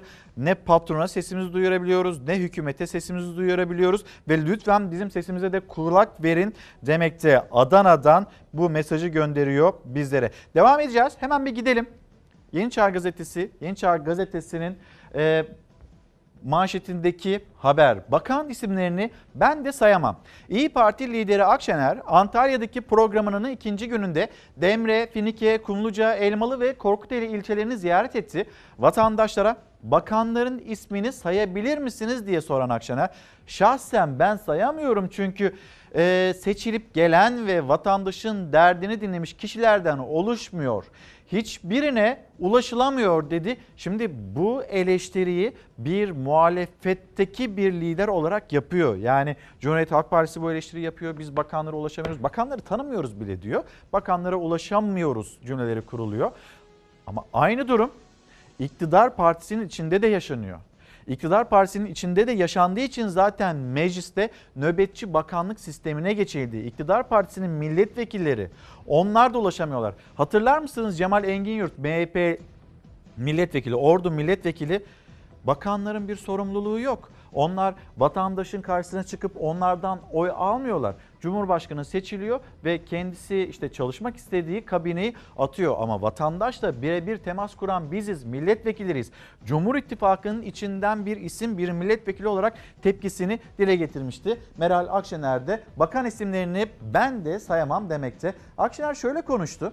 Zaten muhalefetin vekilleri hiç ulaşamıyor. Halbuki siyasi cenahta seçilerek gelmenin önemini bilen hangi siyasi partiden olursa olsun eskiden o bakanlara bile ulaşabiliyordu. Bu Türkiye'ye nefes aldırmıyor. Proje teklifinde bulunduk. O da iyileştirilmiş, güçlendirilmiş parlamenter sistem yani Meral Akşener bir sistem değişimine geçilmesi gerektiğini söylüyor. Sistem çok uzun süredir tartışılıyor zaten. Meral Akşener yaptığı işte temaslarda, vatandaşla kurduğu temaslarda o gün oy verenlerin bugün Cumhurbaşkanlığı hükümet sistemine dahi oy vermeyi düşünmediklerini söylemekler. İsterseniz bir seçim sistemi, seçim sistemiyle ilgili muhalefetin ya da e, iktidarın e, dahil olduğu tartışmalar var. Hemen bir onları paylaşalım. Akşener tarihe not düşüyorum dedi. Bu önemli bir e, açıklama. Hani tarihe not düşüyorum dedikten sonra acaba ufukta bir erken seçim var mı yok mu? Bu konuşulur oldu. Hayır Meral Akşener bir erken seçimden söz etmiyor. Ama tarihe not düşüyorum. Önümüzdeki süreç içinde Cumhurbaşkanı Erdoğan kendisi sistem değişikliğiyle ilgili bir adım atacak dedi. Acaba o adım ne olabilir? Hiçbir şekilde erken seçimi gerektirecek rasyonel bir sebep yoktur. Türkiye bana göre seçim koşullarındadır. Benim öngörüm acil bir seçimi görmüyorum ben. Seçim tartışması açıldı. Cumhur İttifakı bir yana, Millet İttifakı diğer yana düştü. Millet İttifakı da kendi içinde ayrışırken Cumhurbaşkanlığı sistemiyle ilgili Akşener ve Davutoğlu'ndan dikkat çeken iki çıkış geldi. Cumhurbaşkanlığı hükümet sistemi maalesef ülkede tutmadı. İnsanlar nefes alamıyor. Ha buraya tarihe not düşüyorum. Bizzatihi Sayın e, Erdoğan hem de talebiyle bu e, konuya Türkiye adım atacak. Tek adamın yönettiği bir partinin nasıl tükendiğini bizzat yaşayarak gördüm ve bunu engellemek için çok çaba sarf ettim. 4K'nın KHK, kayyum, kamu bankaları ve kamu maliyesinin keşfedilmesi AK Parti'yi bozdu. Cumhurbaşkanlığı hükümet sistemi demokratik parlamenter rejime dönüşür mü? Muhalefet cephesinin gündemi bu. İyi Parti Grup Başkan Vekili Lütfi Türkan'ın 28 Haziran tarihli seçim çıkışı da bu gündem içinde tansiyonu artırdı. Ama Meral Akşener Grup Başkan Vekilinin açtığı tartışmaya katılmadı. Lütfü Bey'in belki buna yönelik bir öngörüsü vardır. Benim öngörüm e, yani acil bir e, seçimi görmüyorum ben. Biz Erdoğan'a bir seçim dayatması yapmayız. Ama hiçbir şey olmasa da bir şey olur. Akşener ufukta acil bir seçim yok dedi. MHP de ekonomi başta olmak üzere nedenleri sayarak seçimin olamayacağı görüşünde. CHP ise yine ekonomiyi işaret ederek seçim koşulları var dedi. Ekonomi düzlüğe çıkmadan, milletin beklentilerine çözüm bulmadan, 3600 başta olmak üzere sorunlar aşılmadan seçim olmaz. Türkiye'nin şu anda e, gerçekten devasa sorunlarla boğuşuyoruz. Meselemiz e, Türkiye'yi bu süre içerisinde 2023'e daha güçlü bir şekilde götürebilmektir. Ekonomik göstergelere baktığınızda Türkiye bu yükü 2023'e kadar taşıyamaz. Siyasette de her şey mümkün, hiçbir şey imkansız değildir. Erken seçim tartışması yine siyasetin en sıcak başlığı oldu. Tayyip Bey karar verecek seçim. Eskiden e, seçim konuşulduğu zaman gözler meclise dönerdi. Kabinede bir değişiklik olacak mı diye sormuş e, Simge Hanım. Evet önümüzdeki süreç içinde hem kabinede hem de AK Parti teşkilatlarında bir değişim olacağı söylenmekte. Ve bu konudaki kulis bilgileri de hayli yoğunlaştı. Cumhurbaşkanı Erdoğan nasıl bir adım atabilir? Ankara'da kulislerde konuşulan şu. Hatta e, genel başkanlığı bırakacağı, genel başkanlığı bırakacağı isim dahi konuşuluyor. Hazine ve Maliye Bakanı Berat Albayrak'ın AK Parti'ye genel başkan olacağı iddiası var. Ve Cumhurbaşkanı Erdoğan'ın da yine Cumhurbaşkanlığı e, görevine e, geçeceği yani partisiz, partili ama partisiz Cumhurbaşkanlığı e, gibi bir sisteme dönüleceği söylenmekte. Amerika Birleşik Devletleri'ndeki bir sistem genel başkanlık yok ama partili Amerika Birleşik Devletleri'ndeki gibi ve genel başkanlığı da Hazine ve Maliye Bakanı Berat Albayrak bırakacağı yönde kulis bilgileri var. Ankara'da bu iddialar konuşuluyor. Şimdi doğalgazla ilgili olarak daha önce belki de hiç böyle değerlendirilmemişti, ele alınmamıştı. Haklısınız bir dillendireyim. Doğalgaz pahalı haberleri hakkında dün mesaj göndermiştik. Lütfen okur musunuz? Bugün e, sesimizi duyurur musunuz demekte. Merkezi sistemle ısınıyoruz. Maddi durumu olan komşularımız var. Kaloriferlerin daha çok yanmasını istiyorlar. Tek maaşla geçinen emekli komşular iki kat daha giyinip daha az ve idareli yanmasını istiyor. Apartmanlarda kombiye geçişte %100 katılım şartı aranıyor. Bunun %50 artı 1 olmasını da dile, dile getirir misiniz demekte. Şimdi gelelim hani bu sese kulak verin demiştik. Çok çarpıcı bir tablo. Yetkililerin buradaki seslenişi duyması gerekiyor. 3 ee, çocuğu olan 6 aydır iş arayan bir baba Meral Akşener'i bir siyasetçiyi, bir siyasi parti liderini karşısında gördü ve onun kurduğu cümleler.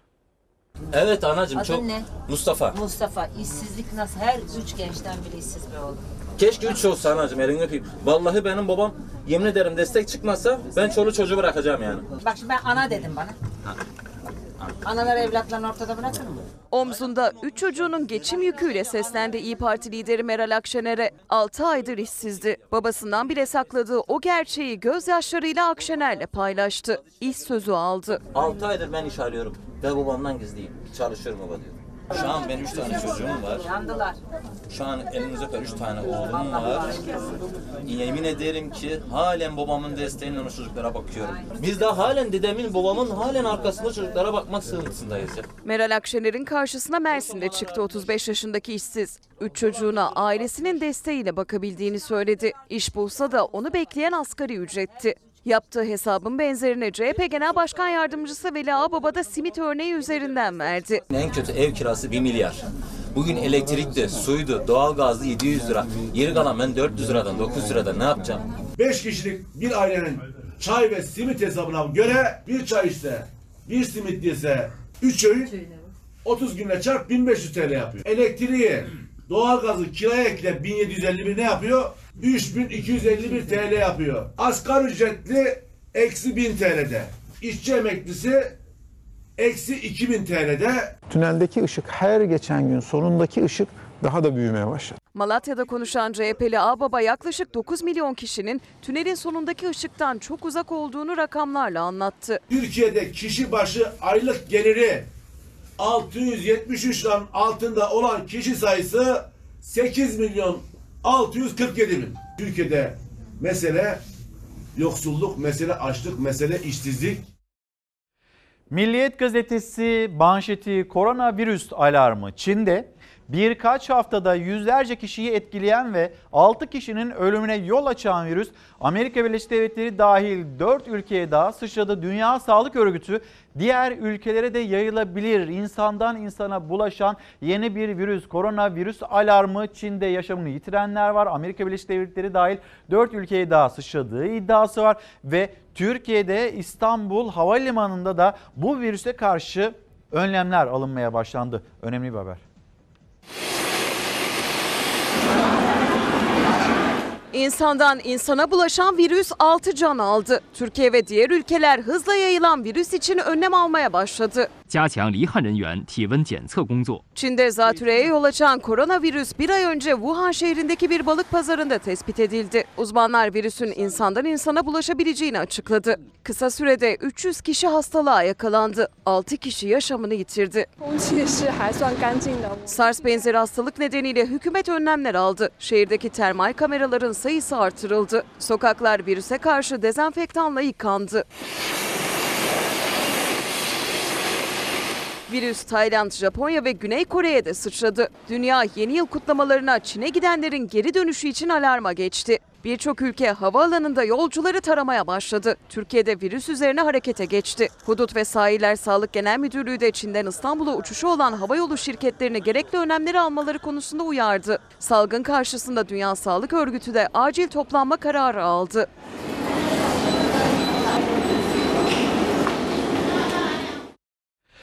Gazeteci Rıza Özel, günaydın. İki ay önce mesela gaz aldınız. Ona gelen zammı da ödüyorsunuz. Sistem böyle bir sistem e, demekte. Az önce bir izleyicimiz işte gaz almaya gittim. Daha önceden yazdan böyle peyderpey gaz almıştım. Kışın problem yaşamayayım diye. Sonra 180 liralık bir gaz almak istedim. Yaklaşık 50 bin metreküplük bir gaz alabildiğini paylaşmıştı. Rıza Özel de iki ay önce gaz aldıysanız ona gelen zammı da sonradan gelen zamları da ödüyorsunuz. O e, da düşüyor. Şimdi nasıl e, benzine zam geliyor? Ya da e, mazota zam geliyor. O zamlar gelmeden önce bir duyuru yapılıyor. Vatandaşlar e, depolarını fullleyeceklerse gidip benzinlerini alıyorlar. Ama burada hani sonradan da zam geldi diye benzinden bir düşüş yaşanmıyor. Ama burada bu doğalgaz alımında böyle bir problem olduğunu dillendiriyor herkes. Milliyet gazetesinden şimdi hemen bir Hürriyet gazetesine gelelim. Hürriyet gazetesinde yine sağlığımızı ilgilendiren önemli bir haber. Aşı, aşı ile ilgili son dönemlerde oluşan bir karşıtlık, bir propaganda ve bunun yarattığı tehlikeyle ilgili. Aşı kavgası büyüyor. Çocuklarına aşı yaptırmayan ailelerin sayısı son 9 yılda 163 kat artarak 183'ten 30 bine çıktı. Bazı uzmanlar ölümler başlayabilir diye uyarıyorlar. Fulya Soybaş'ın özel haberi Hürriyet gazetesi aşı kavgası büyüyor. Aşı karşıtlığı yüzünden hastalıklar hızla yayıldı. Kızamık vakaları 2019'da bir önceki yıla göre 5 kat arttı. Son yıllarda başladı aşı karşıtı kampanyalar. Bu karşıt kampanyalar sebebiyle aileler aşıdan uzaklaştı. Çocuklarına aşı vurdurmadı ama bu davranış beraberinde hastalıklara yakalananların oranında büyük artışı getirdi. Türk Tabipler Birliği verilerine göre son 7 yılda çocuklarına aşı yaptırmayan ailelerin sayısı 23 bine ulaştı. 7 yıl önce bu sayı sadece 183'tü. Aşı yaptırmayan aileler sebebiyle kızamık vakalarında artışlar yaşandı. Türk Tabipler Birliği Başkanı Sinan Adıyaman 2019'da kızamık vakalarının bir önceki yıla göre 5,2 kat artarak 2666'ya ulaştığını duyurdu. İstanbul Sağlık Müdürü Kemal Memişoğlu ise kızamık salgınında hastalananların çoğunun aşısız çocuklar olduğunu vurguladı. Özellikle kızamık aşısı yapılmadığında risk artıyor. Kızamık vakaları ölümle dahi sonuçlanabiliyor. Hastalığın önüne geçmek için aşı şart. Hatice Hanım, Hatice Zeybek çiftçimizi ilgilendiren haberler de var. Hızlı bir şekilde aktarmaya çalışıyoruz haberlerimizi birazdan. Haluk Levent, Ahbap Platformu Genel Başkanı hem Haluk Levent'i hem de Ahbap Platformu'nu ağırlayacağız burada. Siz mutluluktan gözyaşı dökeceğiniz bir yayın e, olacağı için, öyle bir yayın e, olacağını umduğumuz için Mendilleriniz de yavaş yavaş e, yanınızda hazırlayın deriz. İşte orkestrası e, Haluk Levent'in birazdan orkestrası burada olacak. Hem şarkılar söyleyeceğiz hem de bu Ahbap platformu neler yapıyor, neye ne kadar ulaşabiliyor. İşte çocuklarımıza, doğaya, çevreye nasıl ulaşıyor? O organizasyon nasıl bir iyilik organizasyonu? Ne bileyim e, kurdukları ilişkiler ya da işte ne bileyim bakanlıklarla bir protokolleri var mı? Bunların hepsini detaylarıyla şarkılarda söyleyerek konuşacağız. Ee, Persan Kurt da Adanalı hemşerimize ve sizlere Adana'dan kocaman günaydın diyoruz demekte. Şimdi hemen bir Kırıkkale'ye götürelim sizleri. Kırıkkale'de yaşanılan bir sağlık skandalı. 30'a yakın hastaya iğne vuruluyor. Bunlardan yaklaşık 20'si görme yetisini kaybediyor. Şifa bulmak için gittikleri hastanede iddiaya göre görme yetisini kaybettiler. 100 hastadan birinde ortalama bu reaksiyonun, bu iltihabın görülme ihtimali var. Sağlık skandalı Kırıkkale Üniversitesi Tıp Fakültesi Hastanesi Göz Hastalıkları Polikliniğinde yaşandı. Yaklaşık 30 hasta düzenli olarak kullandıkları iğneyi 17 Ocak günü tekrar yaptırdı. İddiaya göre 20'ye yakın hastada iğne olduktan kısa bir süre sonra görme kaybı yaşandı. Enfeksiyon riski, e, gözde bu şekilde e, kızarıklık, ağrı, görme kaybı yapma riski diğer ilaçlara göre daha yüksek. Bazı iğnelerden sonra bu görülebiliyor. Geçmişte de görülmüş, tüm hastalarda görülmüş. Şikayetlerin artması üzerine hastalar teker teker polikliniğe çağrıldı. Gerekli tedavinin yapılacağı söylendi. İlacın risklerinden bahsedildi. Ancak iyileşme garantisi de verilmedi. Şu an biz ne yapabiliriz ona odaklanmamız lazım. Aynen. Hani oldu çünkü bu olay Tabii. artık hani gözümüzle ilgili ne tür tedaviler uygulayabiliriz? Bu durumu ne kadar erken geri döne- döndürebiliriz? Bunun işine bakmamız lazım. Hastalar tedavi için Ankara'ya gönderildi. Babasının yapılan iğne sonucu kör olduğunu söyleyen Ufukan Çimen yaşananlara tepki gösterdi. Hastane hakkında suç duyurusunda bulunacaklarını söyledi. Yine yapan buraya. Sağlam gözüne yapıldı yine ve sağlam gözünü de kaybetti. Kırıkkale Üniversitesi yanlış ilaç kullanıldığı şeklindeki iddiayı yalanladı. İlacı kullanan 9 hastanın durumunun iyi olduğunu, diğerlerinin de tedavi altına alındığını açıkladı. Her olasılığın araştırıldığını ifade eden üniversite, ilacın kullanımını net sonuçlar elde edinerek durdurdu. Tüm hastaların hani eskisi gibi görecek, eskisi gibi düzelecek gibi bir iddiamız yok. Çünkü e, ciddi bir enfeksiyon gözdeki ve tedavisi gerçekten zor. Bir garantisi yok. Ne yazık ki böyle bir riski var bu iğnelerin ama yaptırmayınca da sonuç körlüğe Neyse, hadi gidiyor. hocam. Bu sese kulak verin başlığımız Dilek Güray da Denizli'den yazıyor. Kocaman sevgiler Denizli'den. İyi ki Haluk abi gibi, ahbap gibi güzel insanlar var. Çok seviliyorsunuz demekte. Birazdan gelecek Haluk Levent ve ahbap. Defalarca söylüyorum yani e, duymayanlar varsa duysunlar diye. Duymayanlara da duyanlar lütfen bir duyursunlar. Özel bir yayın gerçekleştireceğiz bugün. E, Kırıkkale'den bir memleket turu yapalım isterseniz. Kırıkkale'den sizleri bir Kayseri'ye geçirelim. Zarar vermişler? Tahrip etmişler zamanında. Burada diyorum komple işlemeliydi. Bütün kapıyı bile kırmışlar artık. Tarihi kiliseyi defineciler talan etti. Define aramışlar muhakkak. Bu bölüm işte gazbayla eşmişler. Pisliği buraya atmışlar yani. Burası Kayseri'nin Melikgazi ilçesinde bulunan Beşaret Kaya Kilisesi. Kaya içinde oyularak yapılan kilise yıllar içinde kaderine terk edilmiş. Ermeni kilisesi son yıllarda define avcılarının uğrak yeri olmuş. Kapıyı kırdılar, tahrip ettiler, kazdılar, eştiler, döktüler. Define arayanlar tamam mı? Kilise içinde kazılmadık yer kalmamış. Duvardaki fresklerin büyük kısmı tahrip edilmiş. Mahalle muhtarı Ömer Nalbant kilisenin içler acısı görüntüsünün üzücü olduğunu söyledi. Muhtar kilisenin restore edilerek turizme kazandırılmasını talep etti. Restore olup da vatandaşa turizme kazandırmak için bir çaba gösterirse gelir kaynağı olabilir.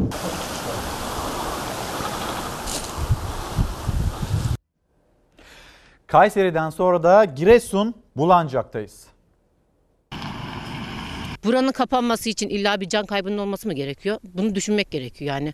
Bunu devlet büyüklerine biz soruyoruz. Can kaybının olması gerekiyorsa çocuklarımız her gün bu yol üzerinde gidiyor. Artan toprak kaymalarının sebebi iddialarına göre taş ocağında yapılan patlamalar. Her an can korkusuyla yaşayan mahalle sakinleri tehlike saçan taş ocağının kapatılmasını istedi. Burada terk edilmiş şekilde kalmak istemiyoruz. Bizim e, çocuklarımız, e, vatandaşlarımız burada mağdur şekilde can korkusuyla yaşasın istemiyoruz. Giresun'un Bulancık ilçesine bağlı Kovanlık beldesindeki Düz mahallesinde taş ocağı açıldığından bu yana 6 büyük heyelan meydana geldi. 11 ev yıkıldı. Son heyelan geçtiğimiz 2 Ocak günü yaşandı. Dağdan kopan kaya parçaları yola yuvarlandı. Mahalle yolunda derin yarıklar oluştu. 14 köyün kullandığı Giresun Gümüşhane yolu da 15 gün boyunca ulaşıma kapalı kaldı. Son e, heyelanın sebebi şu bu görmüş olduğunuz taş ocağı. Burada e, usulsüz çalışma yapıldı, e, patlamalar yapıldı, e, yüksek basınçlı patlamalar yapıldı. Biz burada bu yol üzerinde çocuklarımızı okula gönderiyoruz ama elimiz yüreğimizde sürekli bir patlama korkusuyla. Acaba yol uçacak mı? Acaba çocuklar tehlike altında mı? Acaba çocuklar eve gelebilecek mi diye korkuyoruz. Mahalle sakinleri toprak kaymalarını üst taraftaki taş ocağının tetiklediğini ileri sürdü. Yağışlarla yumuşayan toprağın taş ocağındaki patlamalarla birlikte daha da gevşediğini ve sonrasında heyelan yaşandığını iddia etti. Biz buraya 2017'den önce çok dilekçeler verdik. Başvurular yaptık, eee, boş geldi. Kimseye bir şey söylemek istemiyoruz ama içimiz öfkeli. Devlet büyükleri daha büyükler. Biz onlardan yardım bekliyoruz. Buranın çalışmasını istemiyoruz. Daha önce defalarca şikayetçi olduklarını öne süren mahalleli taş ocağının kapatılmasını istedi. Birileri sesimizi duysun, birileri bununla ilgilensin. Burada kimlerin ihmali varsa bu değerlendirilsin, e, cezai artık yaptırımları yapılsın. Yalnız bırakıp e, kaderimize terk etmesinler. Tek isteğimiz bu. İşe gidemiyorum. Güzel yürekli adamı bekliyoruz. Haluk Levent'i bekliyoruz demiş Özkan Bey. Birkaç dakika sonra burada olacak hiçbir yere gitmeyin. Şimdi e, Meryem öğretmenimiz kendisi Hakkari Yüksekova'da görev yapmakta. Rehabilitasyon öğretmenlerinin sorunlarını da lütfen dillendirin demekte. İşte öğretmen kimliği ve vasfı, haftalık ders saatinin 40'tan 30'a düşürülmesi, haftalık 2 gün zorunlu tatilin olması, günlük ders 8 saatten 6 saate düşürülmesi, yıllık ara tatillerden yararlanma, maaşlarda kamuya denklik gibi pek çok alt alta sıralanan pek çok problemi olduğunu söylüyor. Rehabilitasyon öğretmenlerimizin onun kendisiyle ilgili özel de bir durum var. Bir yandan da çocuğuyla ilgilenmek, çöl yak hastası olan çocuğuyla da ilgilenmek durumunda. Bu mesajı çok eminim ki ben Milli Eğitim Bakanlığı, Milli Eğitim Bakanlığı'nın bürokratlarının duyacağını biliyorum ve bu öğretmenimizin özel durumundan kaynaklanan sıkıntının da çözüleceğini düşünmekteyim. Milli Eğitim Bakanı Ziya Selçuk'un basın müşaviri Ubeydullah Yener, sevgili arkadaşım Ubeyd'in de e, bu konuya müdahil olacağını biliyorum ve çok yakın zamanda güzel de bir haber alacağımızı düşünmekteyim. Şimdi Taşeron, kamuda taşeron bitti mi bitmedi mi? Aslında biz çok uzun süredir sizlerden gelen mesajlara da baktığımızda mesela kiralık araç şoförleri ya da ne bileyim hastanelerin bilgi işlem servislerinde çalışanlar taşeronda kadro meselesi çözümlenecek denildiğinde onlar da sevinmişti. Ama hemen yan odadaki arkadaşları kadroya geçerken bazıları bu imkanlardan faydalanamadılar ve burada problem hala devam ediyor. 950 bin taşeron işçisine kadro vererek sorunu kökten çözdük. Alkışladığımız, sevindiğimiz, çok mutlu olduk. Hani artık e, kadroluyuz dedik. Fakat zaman geçtikçe tekrar aynı düzende devam etmeleriyle beraber e, biz de yıkıldık. Adı kadro, içi boş kadro yani. Cumhurbaşkanı Erdoğan kamuda taşeron sorununu bitirdik demişti. Tam da 1 Mayıs İşçi Bayramı'nda. Ama taşerondan kadroya geçen o işçiler ellerinde yüzlerce mektupla kamu denetçiliği kurumundaydı. Şikayetleri çok. Örneğin Milli Eğitim Bakanlığı'nda çalışan yaklaşık 32 bin işçi sadece 10 aylığına kadroya alınmışlar. Diyorlar ki yazın okullar kapalı 2 ay eve gidip oturacaksınız.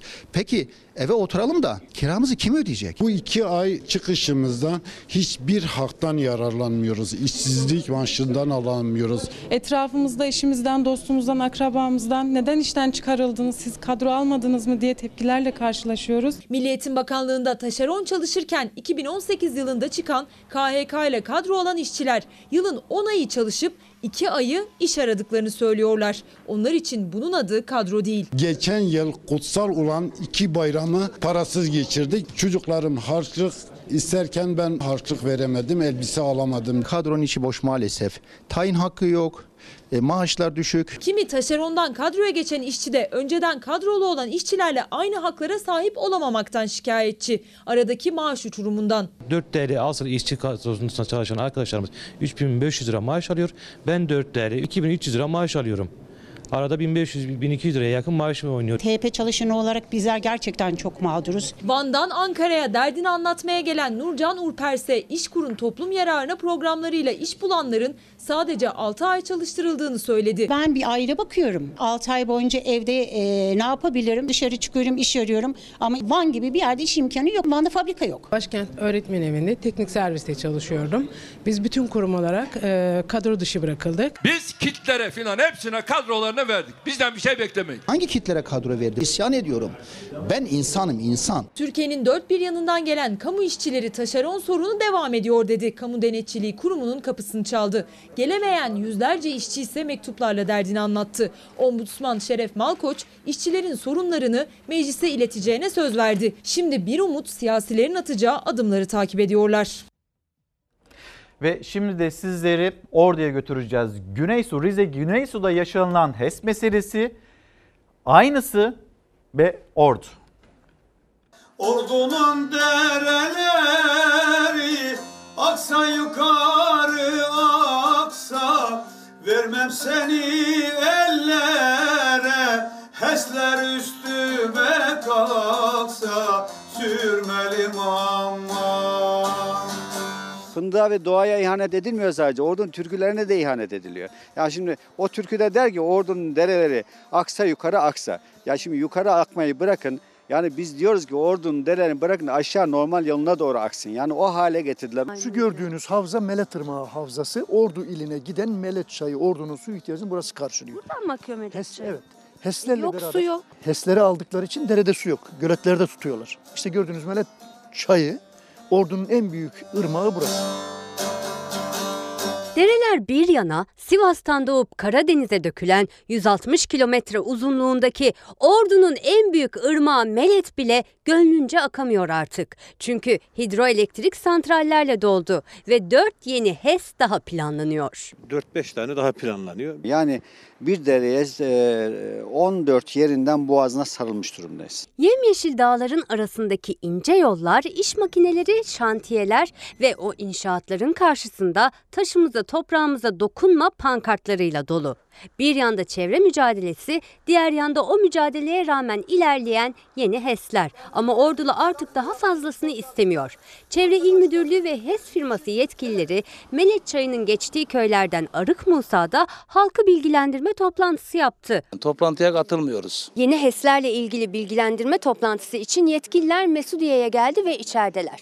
Bölge halkı ise dışarıda. İçeriye girmeyi reddediyor çünkü yeni HES istemiyorlar. HES'e karşıyım. İstanbul'dan bunun için geldim. İstanbul'dan geldiniz, evet, ama kapıda toplantıya durdunuz. karışmıyoruz, karışmayacağız. Tepkinizi Çünkü göstermek biz, için. biz HES'i istemiyoruz. Hep çamlarımız kuruyor, ahlatlarımız var, meyvelerimiz kuruyor. Halk toplantıya girmeyince halk toplantıya girmedi diye tutanak tutuldu. Yetkililer gitti ama HES'i daha önceden defalarca tecrübe etti ordulu ve süreç bitmiş, korkuları geçmiş değil. Çünkü yapılanların zararını gördük. Daha önce destek verenler de şu an pişman zaten. E, Mesudiye Bayırköy'denim. Bayırköy'de HES kurulu durumda. Biz HES'in e, çevreye ne kadar zarar verdiğini gördük. Komşu köylerimiz İnalan ve Ortalan'da içme suyu kalmadı. Sularımız hep kaynadı gitti. Çünkü dinamitler atıldıkça kaynak sularımız hepsi gitti. Dinamit kullanılmasını sonucu itibariyle de yeraltı suları kaybolacak. İnsanlar abdest alacak su bulamayacaklar. Melet'in batısında Uludağ Göknarı var, doğusunda Doğu Ladini var. İki tarafta da karşı tarafta Doğu Ladini yok, bu tarafta Göknar yok. Yani onlar bile karşı tarafın sınırına geçmemişler. Fakat insanlar sınırları aşmışlar. Yani kapitalizmin sınırı yok. Bir kişi zengin olacak diye bu güzelim doğayı kimseye mahvettirmek istemiyoruz. Yasa gereği yüzde on yani can suyu bırakılacak deniyor. Can suyunu biz ölülerimize dudaklarına pamukla beraber can suyu veriyoruz ve ondan sonra can çıkıyor. Aynen böyle bu can suyuyla birlikte de e, Melet Irmağı yok olacak. Ve efendim e, Programın başında anons ettiğim gibi çok uzun süredir denediğimiz ama başaramadığımız bir buluşmayı burada gerçekleştiriyoruz. Kiminle buluşuyoruz?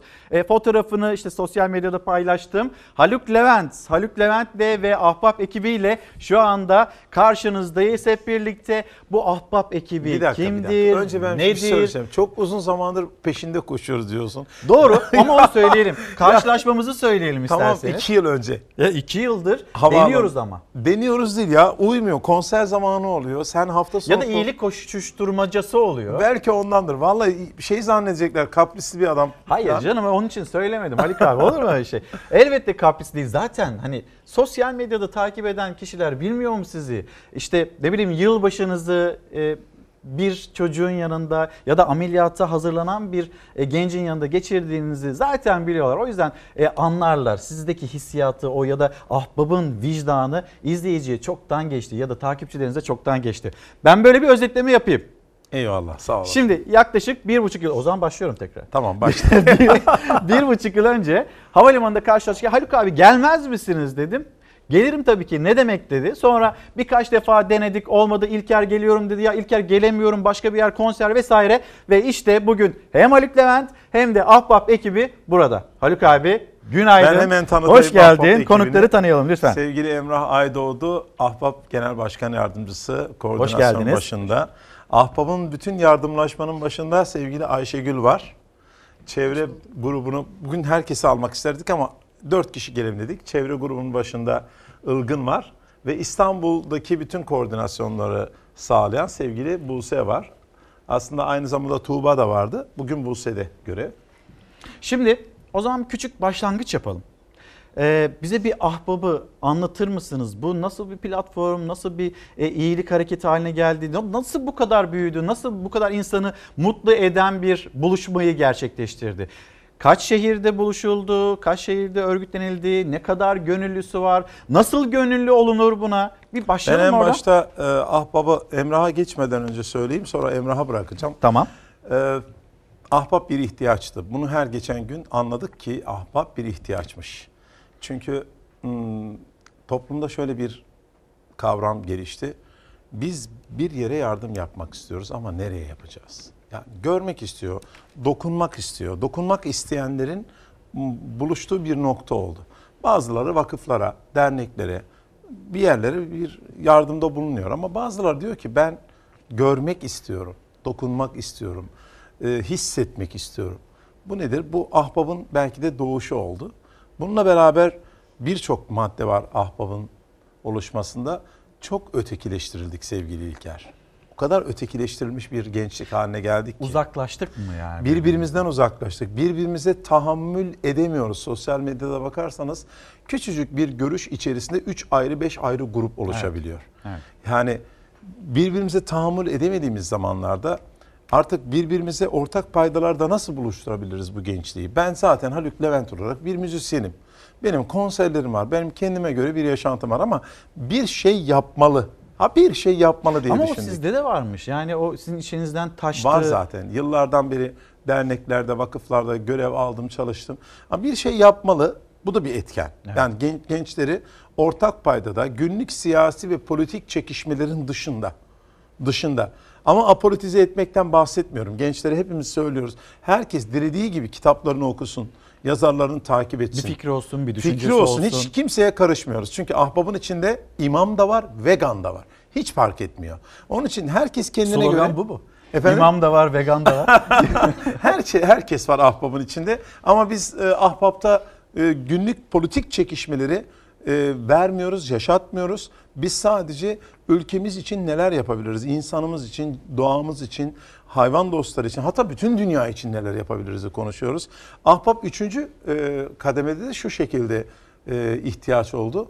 E, sosyal medyada bir çocuk resmi koyuluyor. İban koyuluyor ve bizim duygusal çocuklarımız, öğrencilerimiz diyeceksin ki 5 TL yolluyor. 5 TL ama 10 bin kişi de çok daha fazla. Tabii, 100 bin tabii, kişi de 500 bin TL oluyor. Kandırılıyor.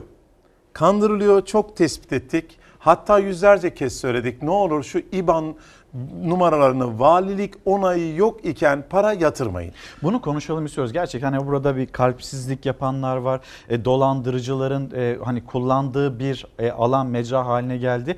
Burayı da açacağız. Şimdi gelen ama mesajlar ondan önce ama ondan önce ahbabın nerelerde Günaydın olduğunu- diyenler var. Tamam, Onu söyleyeyim. günaydın Yani desin. çokça çokça günaydın diyen var. Sizi çok seviyoruz diyenler var. Ahbap platformu iyi ki var diyenler var. Lütfen olsunlar. devam etsin diyenler var ve Ahbap platformu.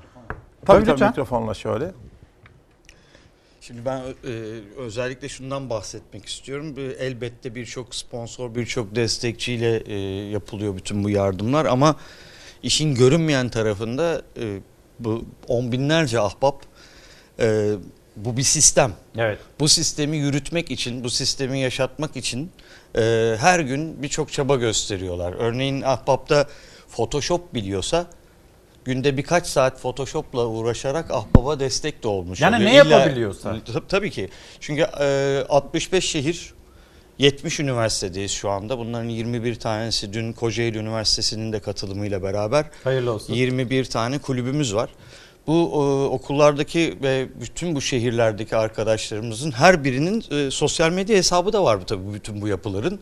Her birinin e, yani İzmir sosyal medyası, İzmir Ahbap da var, Muş Ahbap da var. Üniversitelerin atıyorum yani Başkent Üniversitesi Ahbap da var. Her biri bir şehir yapılanması. Her birinde bir başkan, başkan yardımcısı, insanlık kurulu başkanı, çevre kurulu başkanı, sağlık kurulu başkanı, yardımlaşma başkanları var. İna- İnanılmaz bir örgütlenme, inanılmaz Harika. bir ağ haline gelmiş. Devam edebiliriz. Ee, ve e, biz başlangıçtan beri bunu e, bir sistem halinde böyle kuralım. E, her şehir kendi adına medyasını da yürütebilsin, e, teknolojisini de takip edebilsin, sanat çalışmalarını da yapabilsin ve bütün Türkiye çapında e, be- projelerini paylaşabilsin ve geliştirebilsin diye bir sistem kurduk. Ve bu sistemin içerisinde yer alan e, bütün ahbaplarımız hem e, bu faaliyetleriyle beraber bu toplumsal faydaya sebep oluyorlar hep birlikte. E, artı birçok projeyi hep birlikte geliştirip e, ülkeye, dünyaya kazandırma fırsatı buluyorlar. Kendi fikirlerini paylaşıp bunlara destek bulma fırsatları buluyorlar. E, bizim için Ahbap e, bir taraftan da sadece bu yardımlar değil, e, bu gençlerin birlikte hep birlikte projeler üretip geleceğe, Türkiye'ye çok daha faydalı işler bırakabilecekleri bir platform haline getirmek. herkese iyi gelen bir işbirliği platformu oluşturmuşsunuz Evet. ve inanılmaz bir örgütlenme. Yani e, çok güzel de anlattığınız onu. Ee, sizin için Ahbap e, hani bu başka bir mecra haline geldi ama sizin e, pek çok çabanız vardı. Daha öncesinden Ahbap'ın da öncesinde çok çabanız vardı. Birazdan sizlere de söz vereceğim. Bir reklamlara gidelim. Reklamlara giderken Haluk Levent'ten bir klip paylaşalım. Hangisini Sonra paylaşıyoruz biliyor musun? Sürpriz olsun. Peki. Ben biliyorum da. Size de sürpriz olsun. İçinde duyarlılık olan bir klip. Birlikte izleyelim, dinleyelim ama burayı da bir e, şölen yerine çevirelim reklam arasında. Ha, bir Sonra saniye, da orada söylediler. Evet. Kameraman arkada söyledi. Onu da anlatalım. Tamam. Ee, klipte sevgili Kazım Kazım Koyunca'yı anıyoruz ve Cihat Eren'i anıyoruz. Evet. Orada Rize'nin Fındıklı ilçesinde o otoyol inşaatına karşı çıkmıştı. Maalesef çok e, hala aydınlatılamayan bir cinayete kurban gitti.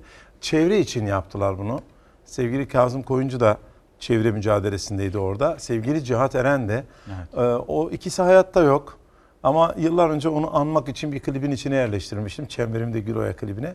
Ee, evet onları biz saygıyla anıyoruz. harika. Şimdi e, iki sanatçımızı, iki değerli ismi saygıyla anlıyoruz. Çemberimde Güloya diyeceğiz ve reklamların ardından bomba gibi döneceğiz.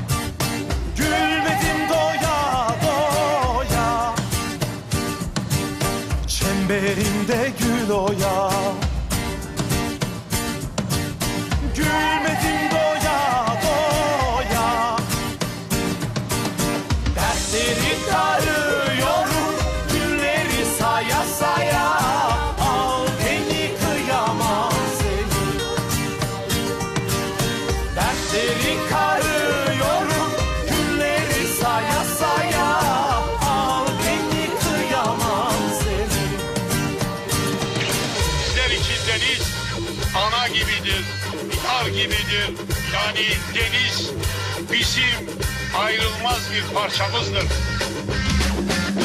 Pembe gül idim soldum.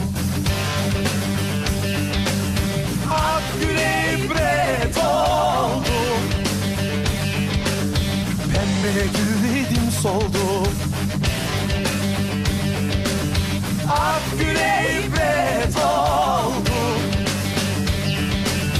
Karşı karşı dururken hasret kaldım. Al beni kıyamam sevdim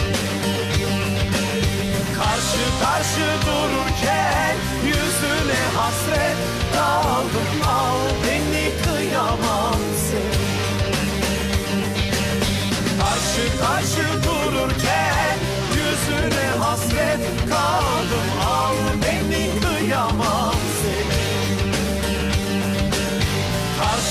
Karşı dururken yüzüne hasret kaldım. Al beni kıyamam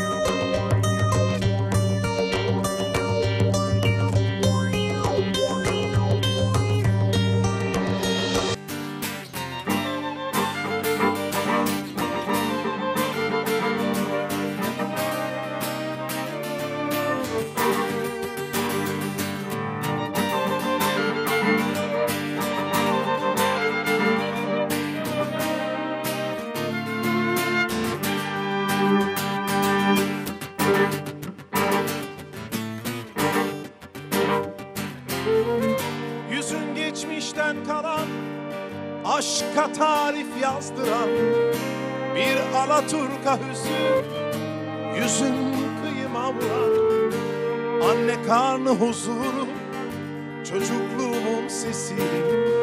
Senden bana Şimdi zamanı sızdıran.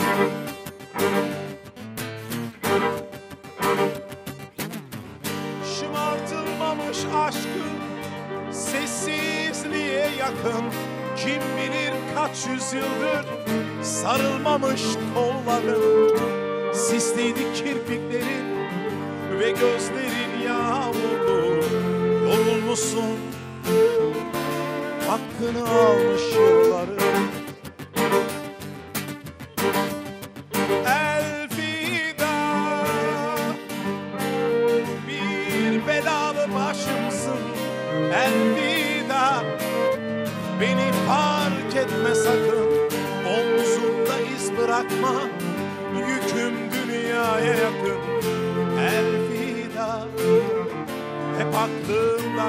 kalacaksın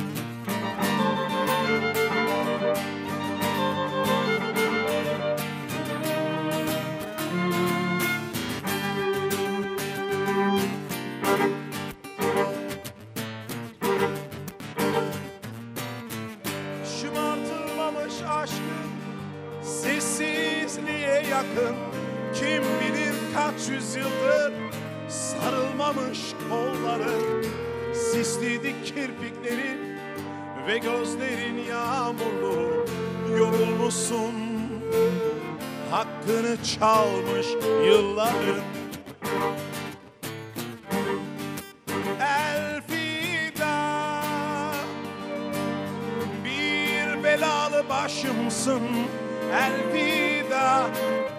Beni fark etme sakın Omzunda iz bırakma Yüküm dünyaya yakın Elvida. Hep aklımda kalacaksın. Elvida. Sen eski bir şarkısın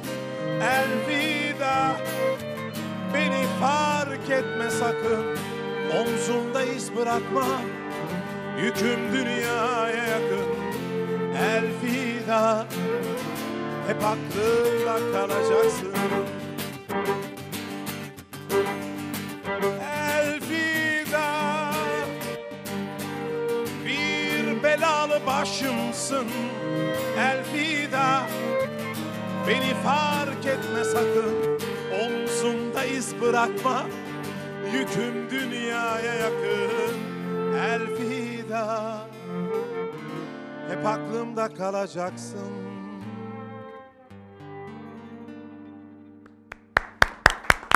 Müthişsiniz. Buyurun Ahbap'ı hemen buraya alalım. Haluk abi teşekkürler. Hemen orkestrayı bir tanıtır mısınız bize? Evet sevgili Feray Tek Şahin kemanda, sevgili Aslıhan Parlak cello'da, sevgili Elvan Kızılay kemanda ve Göktuğ Şenkan gitarda. Benim zaten grup elemanlarım aynı zamanda. Şimdi e, her hikayenin, her dokunuşun, her çabanın bir hikayesi var. Az önce söylediğiniz şarkının da bir hikayesi var. Mi? Evet. E, biraz ondan da bahsedip artık ahbap ahbap neler yapıyor geçiş yapalım mı? Ne Ya, dersiniz? Elfida'yı çok anlattık. Olsun küçücük bir anlatın. Çünkü onu insanlar dinlediğinde inanılmaz duygulanıyor. Harika bir Hani e, çok ses, tekrar müzik. olmasın Tamam. sonra hani isterseniz yine Kısacık, kısacık. Ee, Elfida asıl adı Beyzanur kızımız. Evet. 12 yıl kadar önce e, babası Murat Çelikel bana ulaştı ve kızının rahatsızlığından, kanser olduğundan bahsetti ve çok kötü durumdaydı. Ee, en başta bir hijyenik ortama geçilmesi gerekiyordu. O zaman da ahbaplar vardı ama bu şekilde değildi. Ben birkaç arkadaşım, Emrah vardı mesela vesaire. Bir şeyler yapmaya çalıştık falan. Elimizden geldiğince ilgilendik. Ben e, onun yattığı yere gider gitar çalardım. Onun fotoğrafları da var. Çok eski zaman. Evet. Sonra bir gün doktor geldi ve dedi ki bu kızımızı gözden çıkartın. Hani bana söyledi sizi tanıyoruz dedi ama bilin dedi yani. Hani yapabileceğimiz bir şey kalmadı dedi. Ben de Emrah'la sohbet ediyordum böyle böyle diye dedim bu kızım şarkımızı yazalım kızımıza. El- Elfida fikri kelime olarak Emrah'tan çıktı. Osmanlıca'da feda etmek, birini gözden çıkartmak anlamında olduğu için Kusura bakmayın hani e, belki çok e, anlattım Evet. dediniz ama duymayan vardır, bilmeyen vardır. Bu çabanın ne kadar e, önce başladığını da ben ısrarla aslında o yüzden sordum. Evet. Çok uzun süredir Sonra- uğraşıyorsunuz, çok uzun süredir çabalıyorsunuz. İşte e, Evet, arkadaşınız sevgili burada, bir Emrah'la beraber ben birçok sözünü yazdım. Emrah tamamladı, o da yazdı birlikte E- Elfida'nın birlikte hani özellikle orada e, yüzyıllardır sarılmamış kolların hani anne ve babasını görürdüm. Onlar da çok sevgili canlarım benim. Anne ve babasını görürdüm saramıyorlardı kızımızı kırılganlığından. Oradaki cümle odur. Hatta o dönemlerde çok sıkıntılarım vardı benim filan. Hani bir de sen gitme demek istiyordum o cümlede. Hani e, yüküm zaten dünyaya yakın diyorum. Benim yüküm zaten dünyaya yakın. Seni de kaybetmeyelim. Hani sen de gitme Beyzanur demek istemiştik orada. Birlikte yazdık. Ee, sonra Ömer Faruk kardeşimiz müziği de vardı. Ee, daha sonra maalesef kaybettik ama kaybettikten sonra anne ve babaya şunu söyledim. Lütfen bir çocuk yapın ve kız çocuğu olacağını biliyorum dedim. Aradan bir yıl geçti beni aradılar. Bir kızımız oldu dediler. Adını da Elfide koydular. Şu anda her neredeyse her zaman olmasa da doğum gününe gidiyorum onun. Şu anda 11 yaşlarında ve e, geçtiğimiz günlerde de e, okula gittim onun mezuniyetine. Ablasının ismini yaşatıyor kendisinde. Ablasının öyküsünü biliyor. Elfide öyle bir şey sevgili İlker. Ee, teşekkür ederim. Sağ olun. Eyvallah. Ee, duygulandık ama bunun da bilinmesini istedim. Özellikle bilinmesini istedim. Anlattık hani daha önce ama yine de anlatmış Olsun. olduk. Peki. Ee, şimdi o, o gün hani ahbap yoktu ama o gün böyle bir yardımlaşmaydı. Bugünkü ahbaba geçelim isterseniz. Biraz arkadaşlarımıza sorayım istiyorum. Siz de biraz e, çayınızı Aha. için soluklanın. Ee, ahbabın konuları ne, neye eğiliyor? Biraz anlatırsanız bize sizle devam edelim. Hemen mikrofonu uzatabilir miyiz Haluk abi? Evet. Soracağım tabii bu arada Haluk abi olmak nasıl? Onu da konuşalım istiyorum. Herkesin abisi olmak e, onu da soracağım. Buyurun. Merhabalar tekrardan. Merhaba, Teşekkür hoş ederiz. geldiniz. Ee, Ben Çevre Kurulu Başkanıyım. Ahbap Türkiye'nin çevreyle alakalı sokak hayvanlarıyla, doğayla ilgili çalışmalarından sorumluyum. Aslında Türkiye'de Ahbap birçok e, insana dokunuyor. Bilim alanında, sanat alanında çok fazla çalışmalar yapıyor ama Ahbap'ın bir tarafında da sokak hayvanlarını ve doğayı asla unutmuyoruz, e, es geçmiyoruz. Ee, Türkiye'nin her yerinden binlerce ahbabımız bir gün bir bakıyorsunuz ağaçlar dikiyorlar, bir bakıyorsunuz sahilleri temizliyorlar, geri dönüşümden projeler yapıyorlar. Ee, bununla ilgili de çok fazla projemiz var. İki önemli projemiz var hatta onlardan bahsetmek istiyorum. Bunlardan bir tanesi kirletme temizle. Kirletme temizle ile Türkiye'nin her yerinden binlerce ahbap sahilleri, ormanları, insanların ihmali sonucu kirletilen yerleri temizliyorlar. Her Şu ana zaman kadar yapıyorlar bunu. Evet. Her ay yapıyorlar. Türkiye'nin her tarafını ahbaplar temizliyor. Ellerinden geldiğince on binlerce ahbap her şehir kendisine göre ayrılmış e, bir görev gibi alıp bütün çocuklar sahilleri, piknik yerlerini, Zeytinburnu sahilini, sizin Fox TV'nin ön tarafında yenilen içilen mangal yapılan yerleri Evet, bu çocuklar evet. temizliyorlar. Maalesef. Ya, e, belediye de temizliyor yanlış anlaşılmasın ama bu çocuklar da gönüllü olarak temizliyorlar. Devam Evet. edebiliriz. Ee, şu ana kadar hatta e, 500 tona yakın çöp kaldırdığımızı söyleyebilirim. 500 ton. Evet, 500 evet, ton. Evet, doğanın omuzlarından 500 Bu ton. projelerinizden bir tanesi. değil Evet, mi? kirletme temizle çevre kapsamında yaptığımız projelerden bir tanesi. Bir diğeri de pati konutları. Ee, bu geçtiğimiz 11-12 Ocak'ta Türkiye'nin her yerinde ahbaplarımız sokak hayvanları için Hemen fotoğrafı da gösterelim mi? Pati konutları Tabii, da tabii. arkamızda. Haluk abi arkanı dönersen. Evet. Evet Ee, Türkiye'nin her yerinden ahbaplarımız Evet. sokak ahbapları için, sokak hayvanları için havaların soğumasıyla birlikte Harika. onları düşündü ve kedi evleri, köpek evleri, kuş evleri yaptılar. Ve e, bunları nasıl yaptılar biliyor musunuz? Nasıl? Atık maddelerin geri dönüşümüyle yaptılar. Yani doğadan buldukları paletlerle, tekerleklerle, sıkıştırılmış talaş, OSB denilen Devam edin ama görüntüsü var. İsterseniz bir paylaşalım. Tabii, tabii. İzleyicilerimiz Tabii, de tabii, e, tabii. görsünler. Tabii. Hemen bir izleyelim onu. Ayda sadece bir kez başınızı sevdirerek kira öder gibi barınak sahibi olmak ister misiniz? Şehrin tam ortasında, soğuk havaların ve yağışların dondurucu etkisinden uzak, mama ve su kabına sadece 10 saniyelik yürüyüş mesafesindeki Ahbap Pati konutları birinci etapta yaşam 11-12 Ocak'ta Türkiye'nin dört bir yanında eş zamanlı olarak başlıyor. Atık malzemelerin ahbapların sevgisi ve özeni sayesinde yeniden şekillendiği bu muhteşem yaşam alanının ikinci etabı ise 22-23 Şubat'ta açılıyor. Üstelik %100 koşulsuz, sevgi peşinatlı ve vade farksız. Patilerinizi bize uzatarak pati konutlarındaki yerinizi şimdiden ayırtmayı unutmayın. Harikasınız. Ellerinize sağlık. Evet. Dünyada bir örneği var mı bunun? Ya e, tabii ki var. Çok fazla örnekleri var ama biz Ahbabın ahbap var mı? olarak e, biz ahbap olarak doğru çözümlere yani sorunlara doğru çözümleri getirmeyi amaçlıyoruz. Biliyoruz ki tabii ki bu sorunu çözmeyecek, bitirmeyecek ama bununla ilgili de e, kalıcı çözümler bulmak için çalışmalarımız devam ediyor. Şimdi e, 11-12 Ocak'taydı birinci etabımız. Evet. İkinci etabımız da 22-23 Şubat'ta olacak. Yine binlerce kulübe bırakacağız Türkiye'nin her yerine. Çok güzel. E, destek olmak isteyen herkesi bekliyoruz. Gelsinler bizlerle birlikte ahbap olsunlar. Çalışmalarımıza katılsınlar. Ne güzel bir isim bulunmuş. Haluk abi ismi e, isminde hikayesini paylaşır mısınız? Aslında Anadolu Halk ve Barış Platformu'ydu. Hep beraberlik, birlikte anlamında. Ee, başlıkları koyduğundan ahbap oluyordu. Kendiliğinden oldu zaten. oldu. Kelimeler Ama dünyada bir örneği oldu. var mı diyorsun? İnsanlar yok. birbirine ahbap oldu. Dünyada niye evet. yok örneği? Biz hiçbir lobinin sözcülüğünü yapmadık. Arkamızda bir lobimiz yok. Arkamızda bir uluslararası kuruluş ya da bir vakıf yok. Yani bazen Ahbap Derneği'ne burs hesabına yurt dışından para geliyor hemen devlete bildiriyorlar çocuklarımız. Aman hani bir yerden bir para mı geldi diye. Hani bizler çok sağlıklı ilerleyen bir dernek ve topluluğuz. Ee, hiçbir düşüncenin yani politik bir düşüncenin yansıması yok. Hiçbir, hiçbir diyorum. Ama gerek de yok zaten. E, İşte hani birçok bugüne kadar dünyada e, oluşan dernekleri incelediğimizde özellikle çok Hı, yaslandıkları bir yer mi var? Yaslandıkları muhakkak ki bir fon olabiliyor. Bir lobi olabiliyor.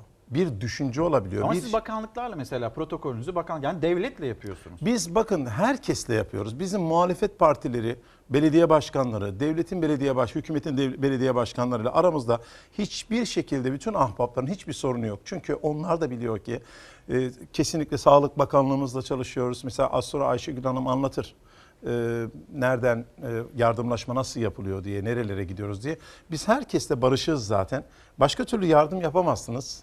Zaten bu imkansız sahibi. O zaman hızlıca hemen mikrofonu size verip e, Ayşegül Hanım'a dönelim.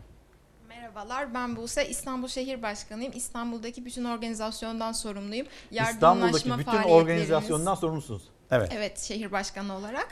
Ee, biz İstanbul'da e, yardımlaşmayla çok e, ilgileniyoruz. Çünkü Haluk Bey şehrimize pek fazla görev veriyor. 2-3 günde bir İstanbul'a yeni bir görev geliyor. Çok kalabalık bir şehir. Evet. Çok itibariyle. Evet. Ee, en son görevlerimizden Esra var. Bizim İran'dan küçük bir kardeşimiz geldi. SMA hastası, bir buçuk yaşında annesiyle birlikte.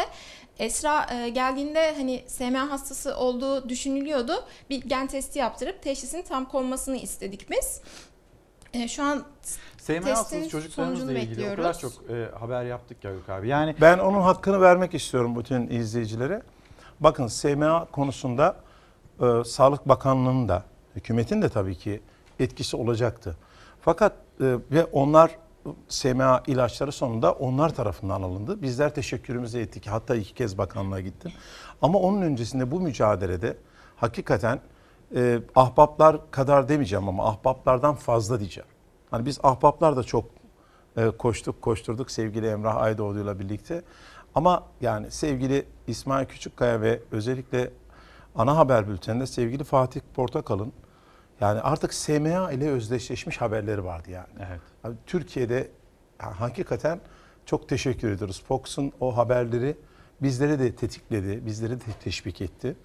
Ee, hakikaten SMA'nın gelecekti muhakkak ama daha erkene gelmesi, bu toplumsal e, görüşmeler, e, koşuşturmalar, baskılar hakikaten çok yararlı oldu diyebilirim bu arada. Çocuğumuz ne oldu? Hemen e, oraya dönelim. E, gen Tabii, testi tabii. bir ay sonra çıkacak sonucu beklemekteyiz daha. E, bu sürede Esra bir grip atlattı. Gece ateşleniyor, ailesi bize ulaşıyor ve biz direkt e, ahbaplarımızı yolladık. Esra'yı acile götürdük. E, yine ertesi gün ilaçlarının götürülmesi gerekiyordu. Geç bir saatte Yani yine sesini duyurmaya Ha, bu arada ben bir şey söyleyeceğim. Özür dilerim. Bir dakika ben karışıyorum Haluk abimiz. İzleyicilerimiz bir anda Esra kim diye az önce sevgili izleyicilerimiz az önce burada tweetlerde sevgili İlker Evet. bu Esra kim de- dediği için Buse Evet. konuşmaya başladı Esra, ama onu Esra ekranda kim dedim? Bu arada ekranda hazırlığını yaptık. görmedi. Evet hazır. Hemen, hemen gösterelim. Evet. Esra'mızı bir gösterelim. Evet. İran'dan gelen çocuğumuzu bir gösterelim. Yani sadece Esra'nın e, rahatsızlığına koşan ya da onu duyurmaya çalışan bir platformdan söz etmiyoruz. Onun her türlü ihtiyacına da koşan bir platformdan söz Kesinlikle. Hastanede mesela e, annesine yemek götüren ahbaplarımız oldu Esra acilde yatarken. E, işte otel konaklamasında ailemize hastane otel arasında Şu anda iki ülke ediyoruz. büyükelçisiyle görüşüyorum. İki ülkenin büyükelçisi. Evet, harika. biri Tahran Büyükelçimiz Sayın Örs ve bir de İran'ın Ankara Büyükelçisiyle bu kızımız için belki de 10 gündür çocuklarım da bilir, kardeşlerim de bilir. Devamlı telefon diplomasisi, bürokrasi. Ee, evet Esra e, kendisi adı üstünde Esra. Hani oradan e, Doğu Beyazıt'ın tam yanında. Ağrı'nın dibinde ama İran'da. Bütün çocuklar. Evet bizim, yani orada çocuklar, onun için bizim çocuğu. için dünyanın neresinde olursa olsun geçtiğimiz günlerde e, Azerbaycan'dan gelen bir kızımız vardı Sura. Onun için de ben Bakü'ye gittim konser verdim. Değişik değişik hani bu konuda az önce siz sordunuz ekrandakiler görmedi ama onun cevabını veriyordu Evet. Buse. Esra ile ilgili cevabı veriyordu. Ee, ekleme yapacak mısınız yoksa hemen buraya geleyim mi? Ayşegül Evet. Hanım. Buyurun. Siz de tanıyalım. Merhaba, e, ben APAP Yardımlaşma Türkiye Başkanıyım. E, Şehirlerdeki bütün e, görevler, yardımlaşmalar Yardımlaşma Kurulu'ndan geçiyor. E, tabii bunu tek başıma karar vermiyorum. Benim de bir ekibim var. Onlarla birlikte ilerliyoruz. E, Haluk Başkanımız görev veriyor. Kısaca ben özet geçeyim hani nasıl ilerlediğimizi. Haluk Başkan mı diyorsunuz? Haluk, Haluk abi mi Başkan diyorsunuz? diyoruz, Haluk diyorsunuz? abi diyoruz. Yani Daha çok daha çok abi diyorsunuz değil Daha çok abi diyoruz. Genelde e, şeyde görevlendirmelerde, tweetlerde başkanım kelimesini kullanıyoruz.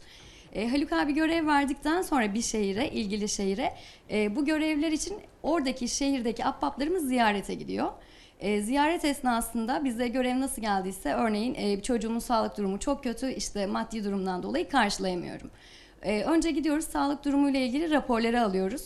E, sonrasında sağlığı ile ilgili e, bizden özel bir hastanede ya da e, maddi konuda destek istiyorlarsa öncelikle biz Sağlık Bakanlığı ile iletişim kuruyoruz. Çünkü bu çok titiz yürütülmesi gereken bir çalışma Kesinlikle değil mi? öyle, Yani evet. e, ne bileyim belki fırsatçılar devreye girebilir. e, Oluyor, başka... olabiliyor. Öyle mi? Tabii ki Ben de hep katılacağım. Hep katılacağım Hı hı. sözleri.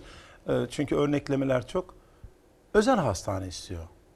Özel hastanede tedavi olmak istiyor. Bize başvuruyor. Biz önce bilmiyoruz. Muhakkak ki Sağlık Bakanlığı'ndan bunun raporlarını gönderiyoruz. Sağlık Bakanlığı ya da ilgili devlet kuruluşlarına gidiyoruz.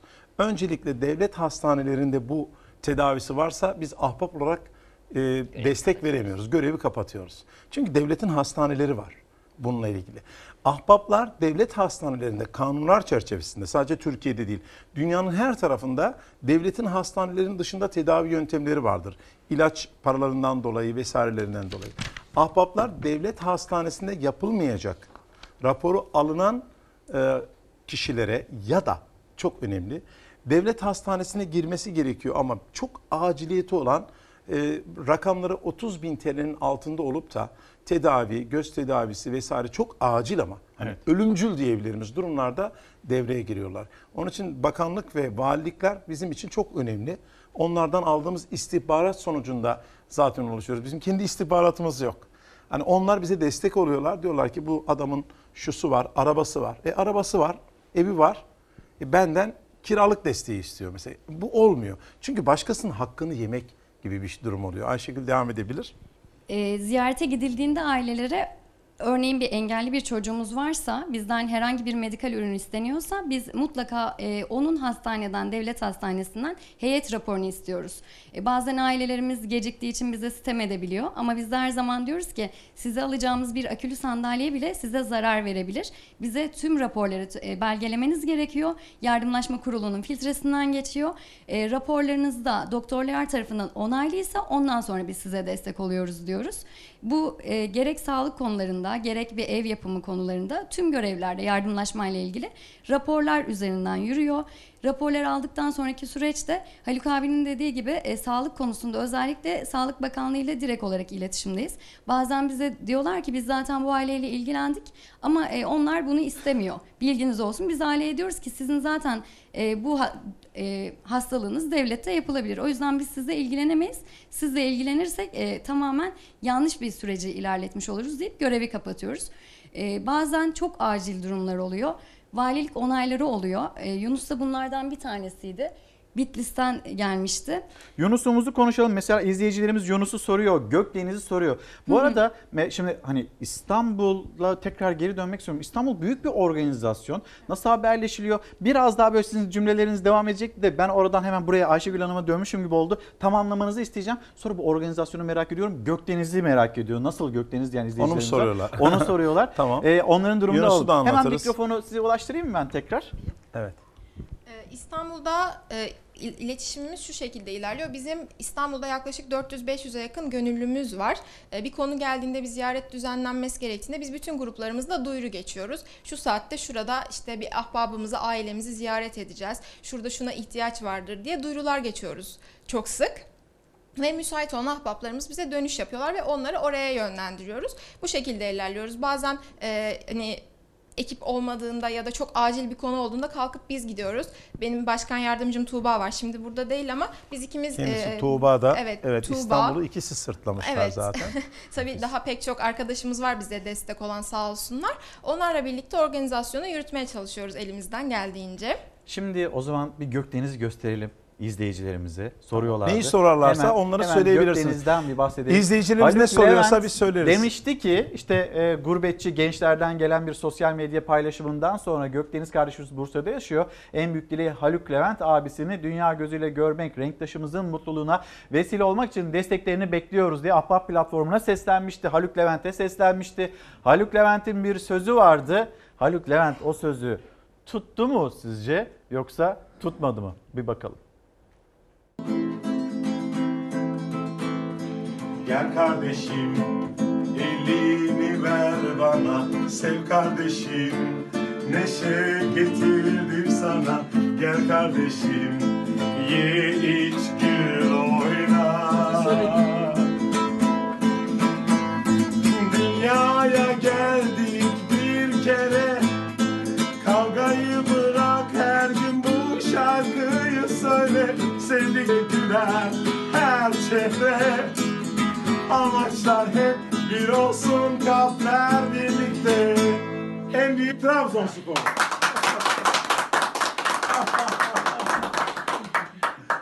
Ya harika. Yani e, size nasıl geliyor, siz nasıl hissediyorsunuz bilmiyorum ama ben bunu izlerken e, gözlerim doluyor. Ekranları karşısında bir sürü insan var. Birden karşılarına en görmek istedikleri kişi Haluk Levent çıkıyor.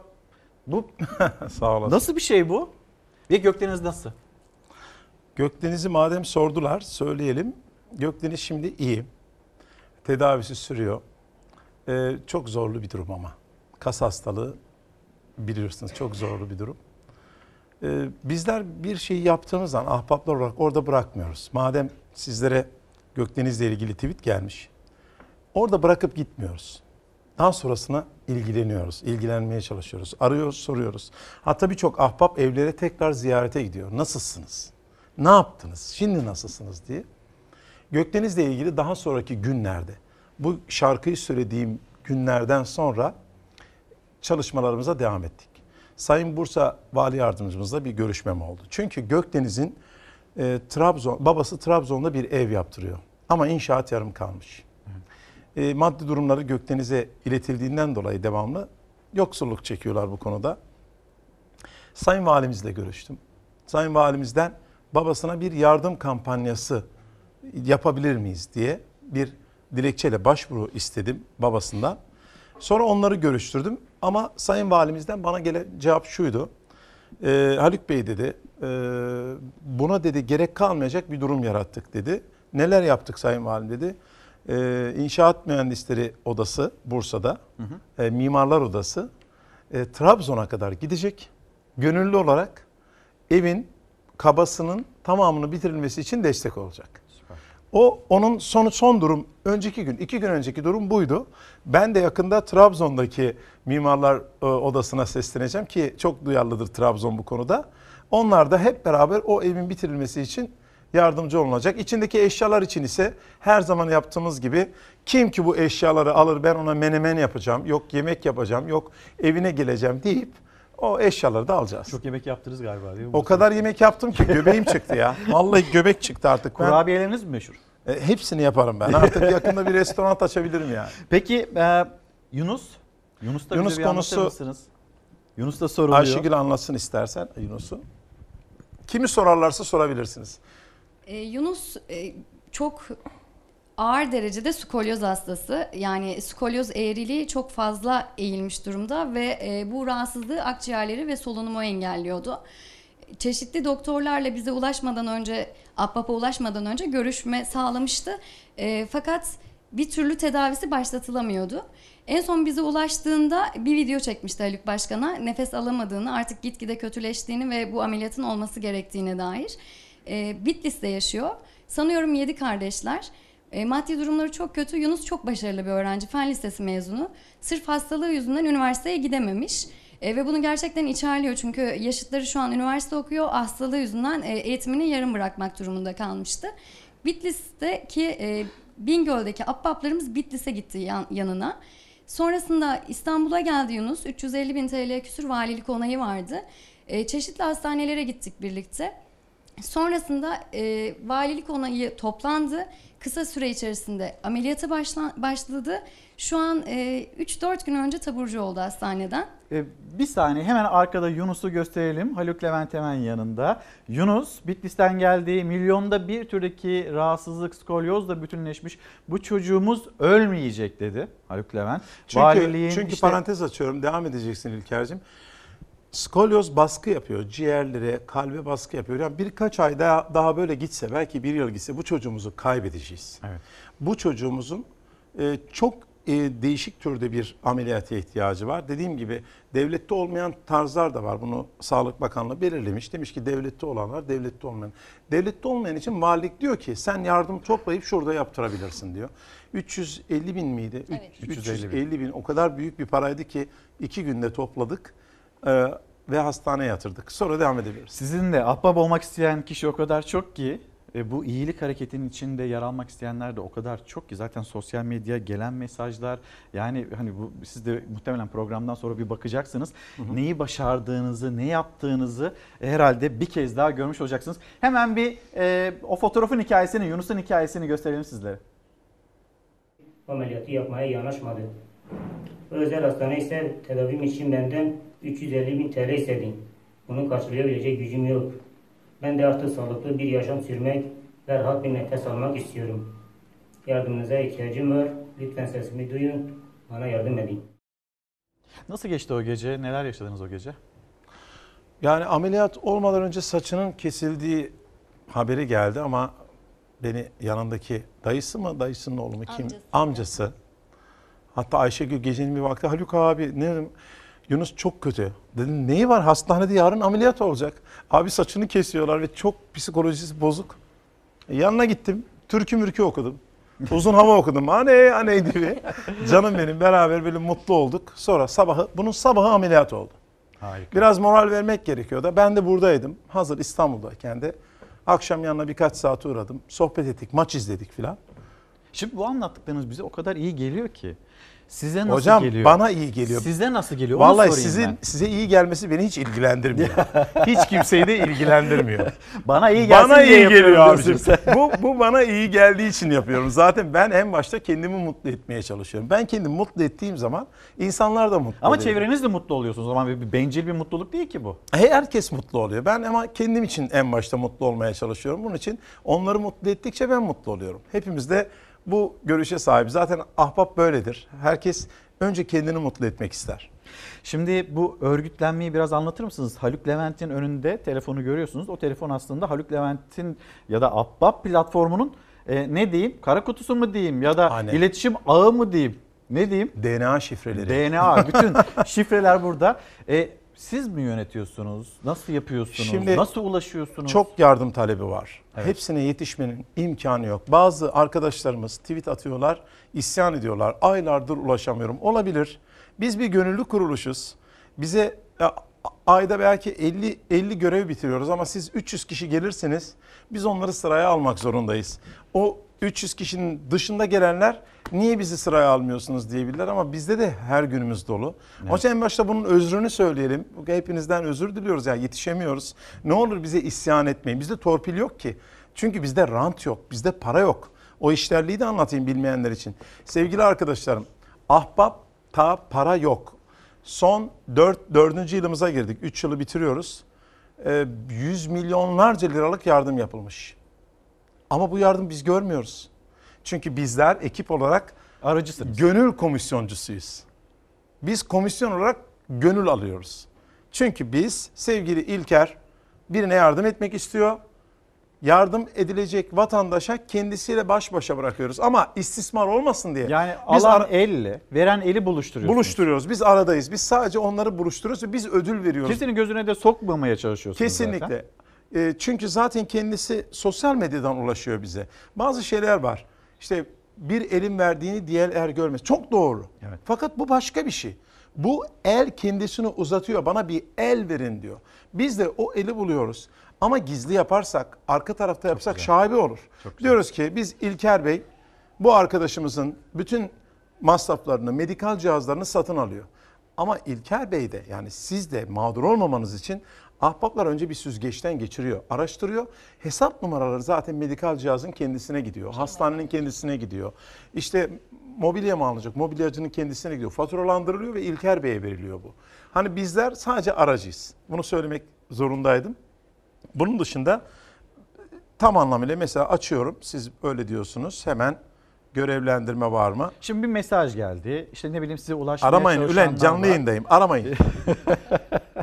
size ulaşmaya çalışanlar var. Hemen- Şu anda olduğu gibi Evet şu anda var. mesela bir tane hemen görev gelmiş. Aha. Yani göstermeden söyle. SO Evet. geçirdiği beyin kanaması sonucu felç oldu ve vücudunun sağ tarafını kullanamıyor. Dakika başı görevler geliyor. Konuşma yetisini kaybetti. Beynindeki hasar büyük. Sık şekilde konuşma terapisi tedavisi görmesi gerekiyor. Şehir? Şehir Ankara. Ankara. Ben şimdi bunu hemen konuşma terapisi ya birini bulacağız ya bulunan bir e, ücretli olanı bir kampanya yapacağız. Diyeceğiz ki bu çocuğumuzun iki yıl terapiye ihtiyacı var. Ve bu iki yıl içerisinde bunu Ankara bana rapor edecek. Diyelim ki öyle. Bu iki yıl ücreti 25 bin TL. Kim ki bu 25 bin TL'yi verir ben ona gelip şiir okuyacağım diyorum. Yüzlerce şey var artık ne yapacağımı şaşırdım. Tatlı yapıyorum, çörek Tatlı yapıyorum. yapıyorsunuz, kurabiye Yapmadığım yapıyorsunuz, şey yok. menemen yapıyorsunuz, şarkı söylüyorsunuz, Her şeyi şiir yapıyorum ya. okuyorsunuz. En son Çince şarkı söylemeye kadar gidecek bu iş. evet böyle geldim. Şu anda yazıyorum. Ahbap Ankara. Ee, sen de tweetten görebilirsin ve onu ekrana verebilirsin. Ankara Ahbap yazıyorum. Ankara arada Ahbap. E, Ünzüle Haydi Hanım'dan arkadaşlar mesaj diyorum. gelmiş. Ankara Ahbaba bu şekilde bir talimat gitti. Şu anda tweetimi attım. Bakın benim tweetim gitti. Sosyal medyadan takip Kesinlikle, edebilirsiniz. kesinlikle. Ankara Ahbaba böyle bir talimat gitti. Hadi Ankara yardım edin Ahbap, diye. Zaten benim tweetlerim direkt olarak hele Ankara Ahbap'ı da etiketlemişsem şu anda 1-2 saniye içerisinde önlerine düşer. Onlar da ilgileniyoruz başkanım yazacaktır her zamanki Şimdi gibi. tabii bu- hani bu da e, öngörülebilir bir şeydi. Konuşmuştuk yayından önce. Ünzile Alım diyor ki keşke benim oğluma da bir el uzatsa e, ahbap e, ve güzel insanlar. Bakın, Gözlerinde özür dilerim, gece özür dilerim, var. özür dilerim. 29. saniyede 454 beğeni 12 tweet gelmiş. 29. saniye. Ve Ankara Ahbap yazmış hemen. İlgileniyoruz başkanım yazıyor. Çünkü, çünkü bizim çocuklarımız hazır. Hemen bir gösterebilir miyim ona? Alabilir miyim bir? Bir saniye. Pardon. Evet veriyorum bir saniye bekleyin. Hemen bir gösterelim. Ve gözlerimde evladımın gece körlüğü var. Benim derdim de para değil ve Buyurun. oğlumun işe girmesini istiyorum diyen bir anne. Evet Haluk Levent'in e, telefonu. işte Altına da Ankara Ahbap haydi okutabilirsiniz. arkadaşlar. Yaşar'ın gönderdiği mesaj ve Ankara Ahbap'tan hemen gelen bir yanıt. Hemen ilgileniyoruz başkanım. Hem başkanım evet. hem e, e, abi diye sesleniliyor. Peki zaman zaman böyle bırakmak istediğiniz, yetişemediğiniz de oldu. Değil mi? Geçen yıllarda evet. Evet. E, tabii. O nasıl bir e, histi ya da neden böyle bir e, durum oldu? Ben ahbabı herkesin sahiplenmesini istedim ve arkadaşlarımla da konuştum. Onlar benim bırakmamı hiç istemediler ama Kimse dedim ki- istemedi tabii. Ama dedim ki ya e, toplumun kabul gördüğü, sizin gençlerin kabul gördüğü ilk 5 kişiyi bulalım. O 5 kişiye danışalım. Çünkü ahbabı herkesin sahiplenmesi lazım. Ahbapta rant yok. Hani benim bir başkan olmakla alakalı bir de- derdim, bir şeyim yok. Ben alırım gitarımı, şarkılarımı söyleye söyleye gezerim. Yine ahbap üyesi olurum ama başkan olarak biri gelebilir. Hani toplum bunu sahiplensin. Ama e, çok uğraş verilecek bir durumda. Önce herkes birazcık şey oldu. Aa olabilir dedi. Görüştükten sonra, içeriğini anlattıktan sonra Haluk abi biz yapamayız abi İşte dediler. bu da bencilce bir duruş, bir bencilce davranış değil. Hani siz o sevginin ya da o iyiliğin yayılmasını istediniz. Yetiştiğiniz oldu, yetişemediğiniz oldu, mutlu olduğunuz oldu, hayal kırıklıklarınız oldu, üzüldüğünüz oldu. Ama nefis de bir işbirliği platformu oldu. Bu arada geçtiğimiz günlerde bir e, Uşak'a gittiniz. Uşak'a da böyle bir talimat verdiniz. Şimdi Ankara'ya verdiğiniz gibi. Hemen o fotoğrafı da gösterelim Tamam. sizlere. E, İpek, Haluk abi Uşak Ulubey Büyük e, Kayalı Köyü'nde yaşayan Ahmet amcamızın bu fotoğrafta gördüğünüz evi yandı. O ve eşi çaresizlik içinde gelen bir mesajdı. Ve sonrasında diğer mesajlar Uşak Ahbap haydi Büyük Kayalı Köyü'ne gidelim. Sonra ne oldu? Anlatayım. Şimdi bunun gibi durumlar oluyor. Bir insanın evi yanabiliyor. Biz hemen yine yardımlaşmadan Ayşegül'ün dediği gibi valiliklere, kaymakamlıklara bunun üzerinde başka bir ev var mı? Bu adamın bir geliri var mı?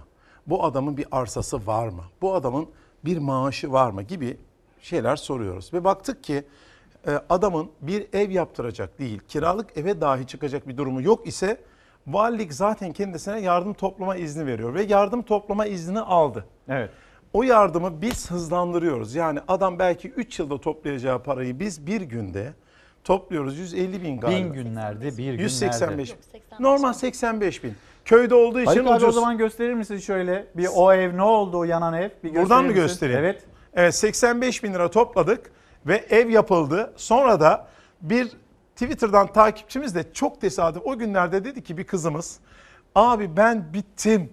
Öldüm eşyalarım var satmak istiyorum. Tam o esnada. Evet. Şimdi biz yeniden eşya alsak çok masraflı olacak. Kızımıza dedi ki sen bunları kaç liraya satıyorsun? Abi kimse almıyor şu kadara satıyorum dedi. Tamam dedik bir hayırseverimizi gün olsun Sabri G olsun kardeşlerimiz olsun. Onları söyledik kızımıza parayı gönderdik. Buradan aldık buraya yerleştirdik. Harikasınız. Yani söylenecek başka bir şey yok. Programın başından beri de zaten harikasınız, süpersiniz, muhteşem. Ekran karşısında izleyiciler de aynı şekilde. Hülya'dan bahsedelim mi? Önce bir görüntüsünü izleyelim. Tamam. Savaş sana zahmet bir e, Hülya'yı hazırlayabilir misin? Bir şarkı daha isteyecektim ben sizden ama şarkı mı bu yaptıklarınız mı tam bir arada kaldım onu da söyleyeyim. Hülya'yı izleyelim. Haluk abi merhaba. Ee, 32 yaşında e, engelli bir kızım. İzmir Torbalı'da yaşıyorum. Akülü tekerlekli sandalyem çok kötü durumda ve ben çalışmak istiyorum, iş bulamıyorum. E, bundan iki saat önce e, Ahbap ile görüştüm. E, ama ben yine videoyu çekip sana atmak istedim. E, bana destek olursan çok sevinirim. Teşekkür ederim. Evet arkadaşlar engelli kardeşimiz Hülya'ya kim iş verirse ben de oraya geleceğim ve kurabiye yapacağım demiştim. Şu anda Torbalı'ya doğru geldik. Biraz sonra ahbapların evine gideceğim. Onlar bana malzemeleri hazırlamışlar. Ve Hülya için, Hülya'nın çalıştığı yerin yöneticileri için kurabiye yapmaya başlayacağım.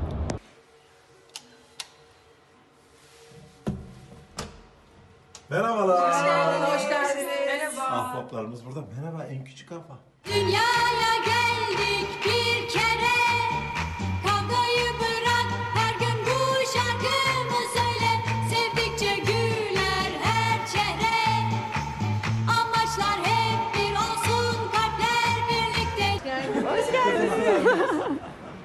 Oo harika görünüyor. Merhabalar buketler. Nasılsınız? Merhabalar, çok memnun oldum. Merhabalar. Merhabalar. Merhaba, hoş geldiniz annem. Eyvallah. Kızımız nerede? Burada. Kızımız burada. Ah.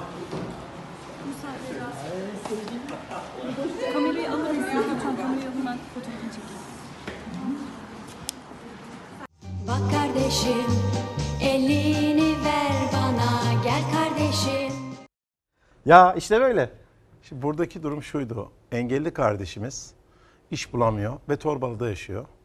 Ama gerçekten çok yetenekli bir kızımız. İş yoktu vesaire ve akülü sandalyesi de bozulmuştu. Dedim ki kim bu kızımız? Akülü sandalyeyi biz alırız dedim. Kim bu kızımıza iş verirse dedim. Ona dedim tarçınlı kurabiye yapacağım. Ve bir hastane iş verdi. Sağ olsunlar Medifane. Atladım Torbalı'ya gittim. Kurabiyeyi sevdiler mi? Kurabiye sevecekler. Sevmeseler de sevecekler. Verdik ve kızımız şu anda orada çalışıyor. Emrah Bey.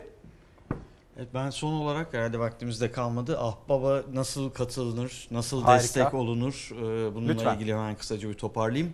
E, Ahbaba katılmak isteyenler e, kod yazıyor olabilirler, Photoshop kullanıyor olabilirler, medyadan anlıyor olabilirler. E, her türlü projeleriyle ve destekleriyle ahbaplara e, hem ahbap.org üzerinden hem de e, ahbap şehirlerinin bulundukları şehrin Twitter hesabı üzerinden ahbaba katılabilirler, başvurabilirler.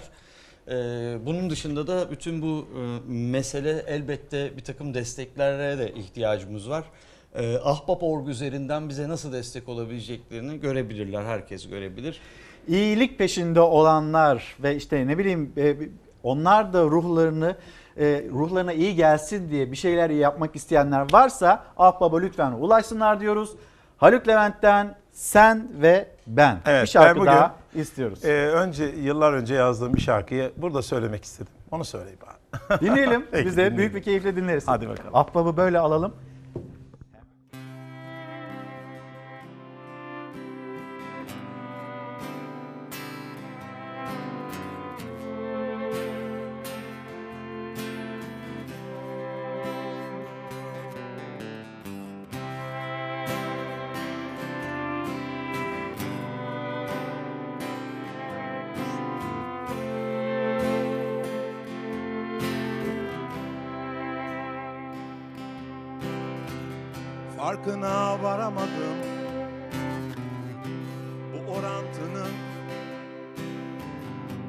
Bendeki sen Sendeki bana Ağır geliyor. Farkına varamadım Bu orantının. Bendeki sen, sendeki bana ağır geliyor. Bana daha fazla sen ver, ver diyemem ki Bunu senden isteyemem, gururum almıyor. Bana daha fazla sen ver, ver diyemem ki. Bunu senden isteyemem, gururum almıyor. Sevgi çaba, sevgi emek, sevgi alın teri ama olmuyor, olmuyor böyle. Sen ve ben ayrılıyor birbirinden, bir ben kalıyorum kelimelerden. Sen ve ben ayrılıyor birbirinden Bir ben kalıyorum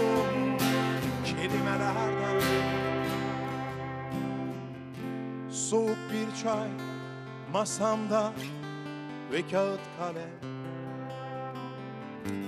Olmuyor, olmuyor böyle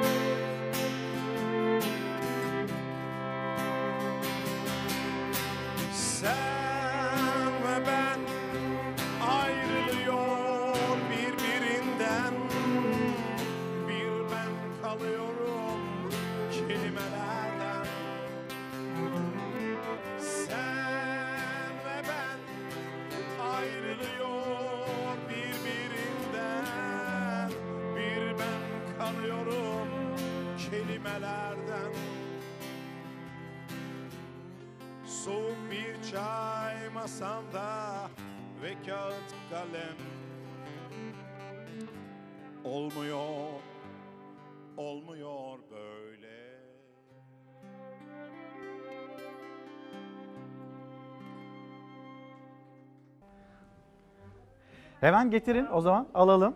Kapanışımızı yapacağız ama bu arada bir de ben de mahbaba dahilim. Gönüllüyüm elbette her zaman çok teşekkürler. Ee, efendim bugün sürprizli bir yayın oldu. Hepimize iyi gelen bir e, yayın oldu. Öyle düşünüyoruz. Haluk Levent'i Ahbap platformunu ağırladık ve teşekkür ederim Haluk abi. İyi ki varsınız. öyle- öyle bir şey yok. İyi ki geldiniz. Yani hediye Tabii olarak, ki. hayır hayır hediye olarak düşünme. Hayır. Çıkıyorsun. Ahbap'ın derneğinin hesabını alıyorsun. Biliyorsun çocuklar da Evet. okutuyoruz. Bunun ücretini direkt yatırıyorsun. Hemen, hemen şimdi çıkışta IBAN'ı alacağım valilik onaylama. Kesinlikle. Evet, tamam. Hemen göndereceğim. Çok sağ olun. Çok İyi ki teşekkür varsınız. ederiz. Eyvallah. Haluk abi e, işte sözünün erisin.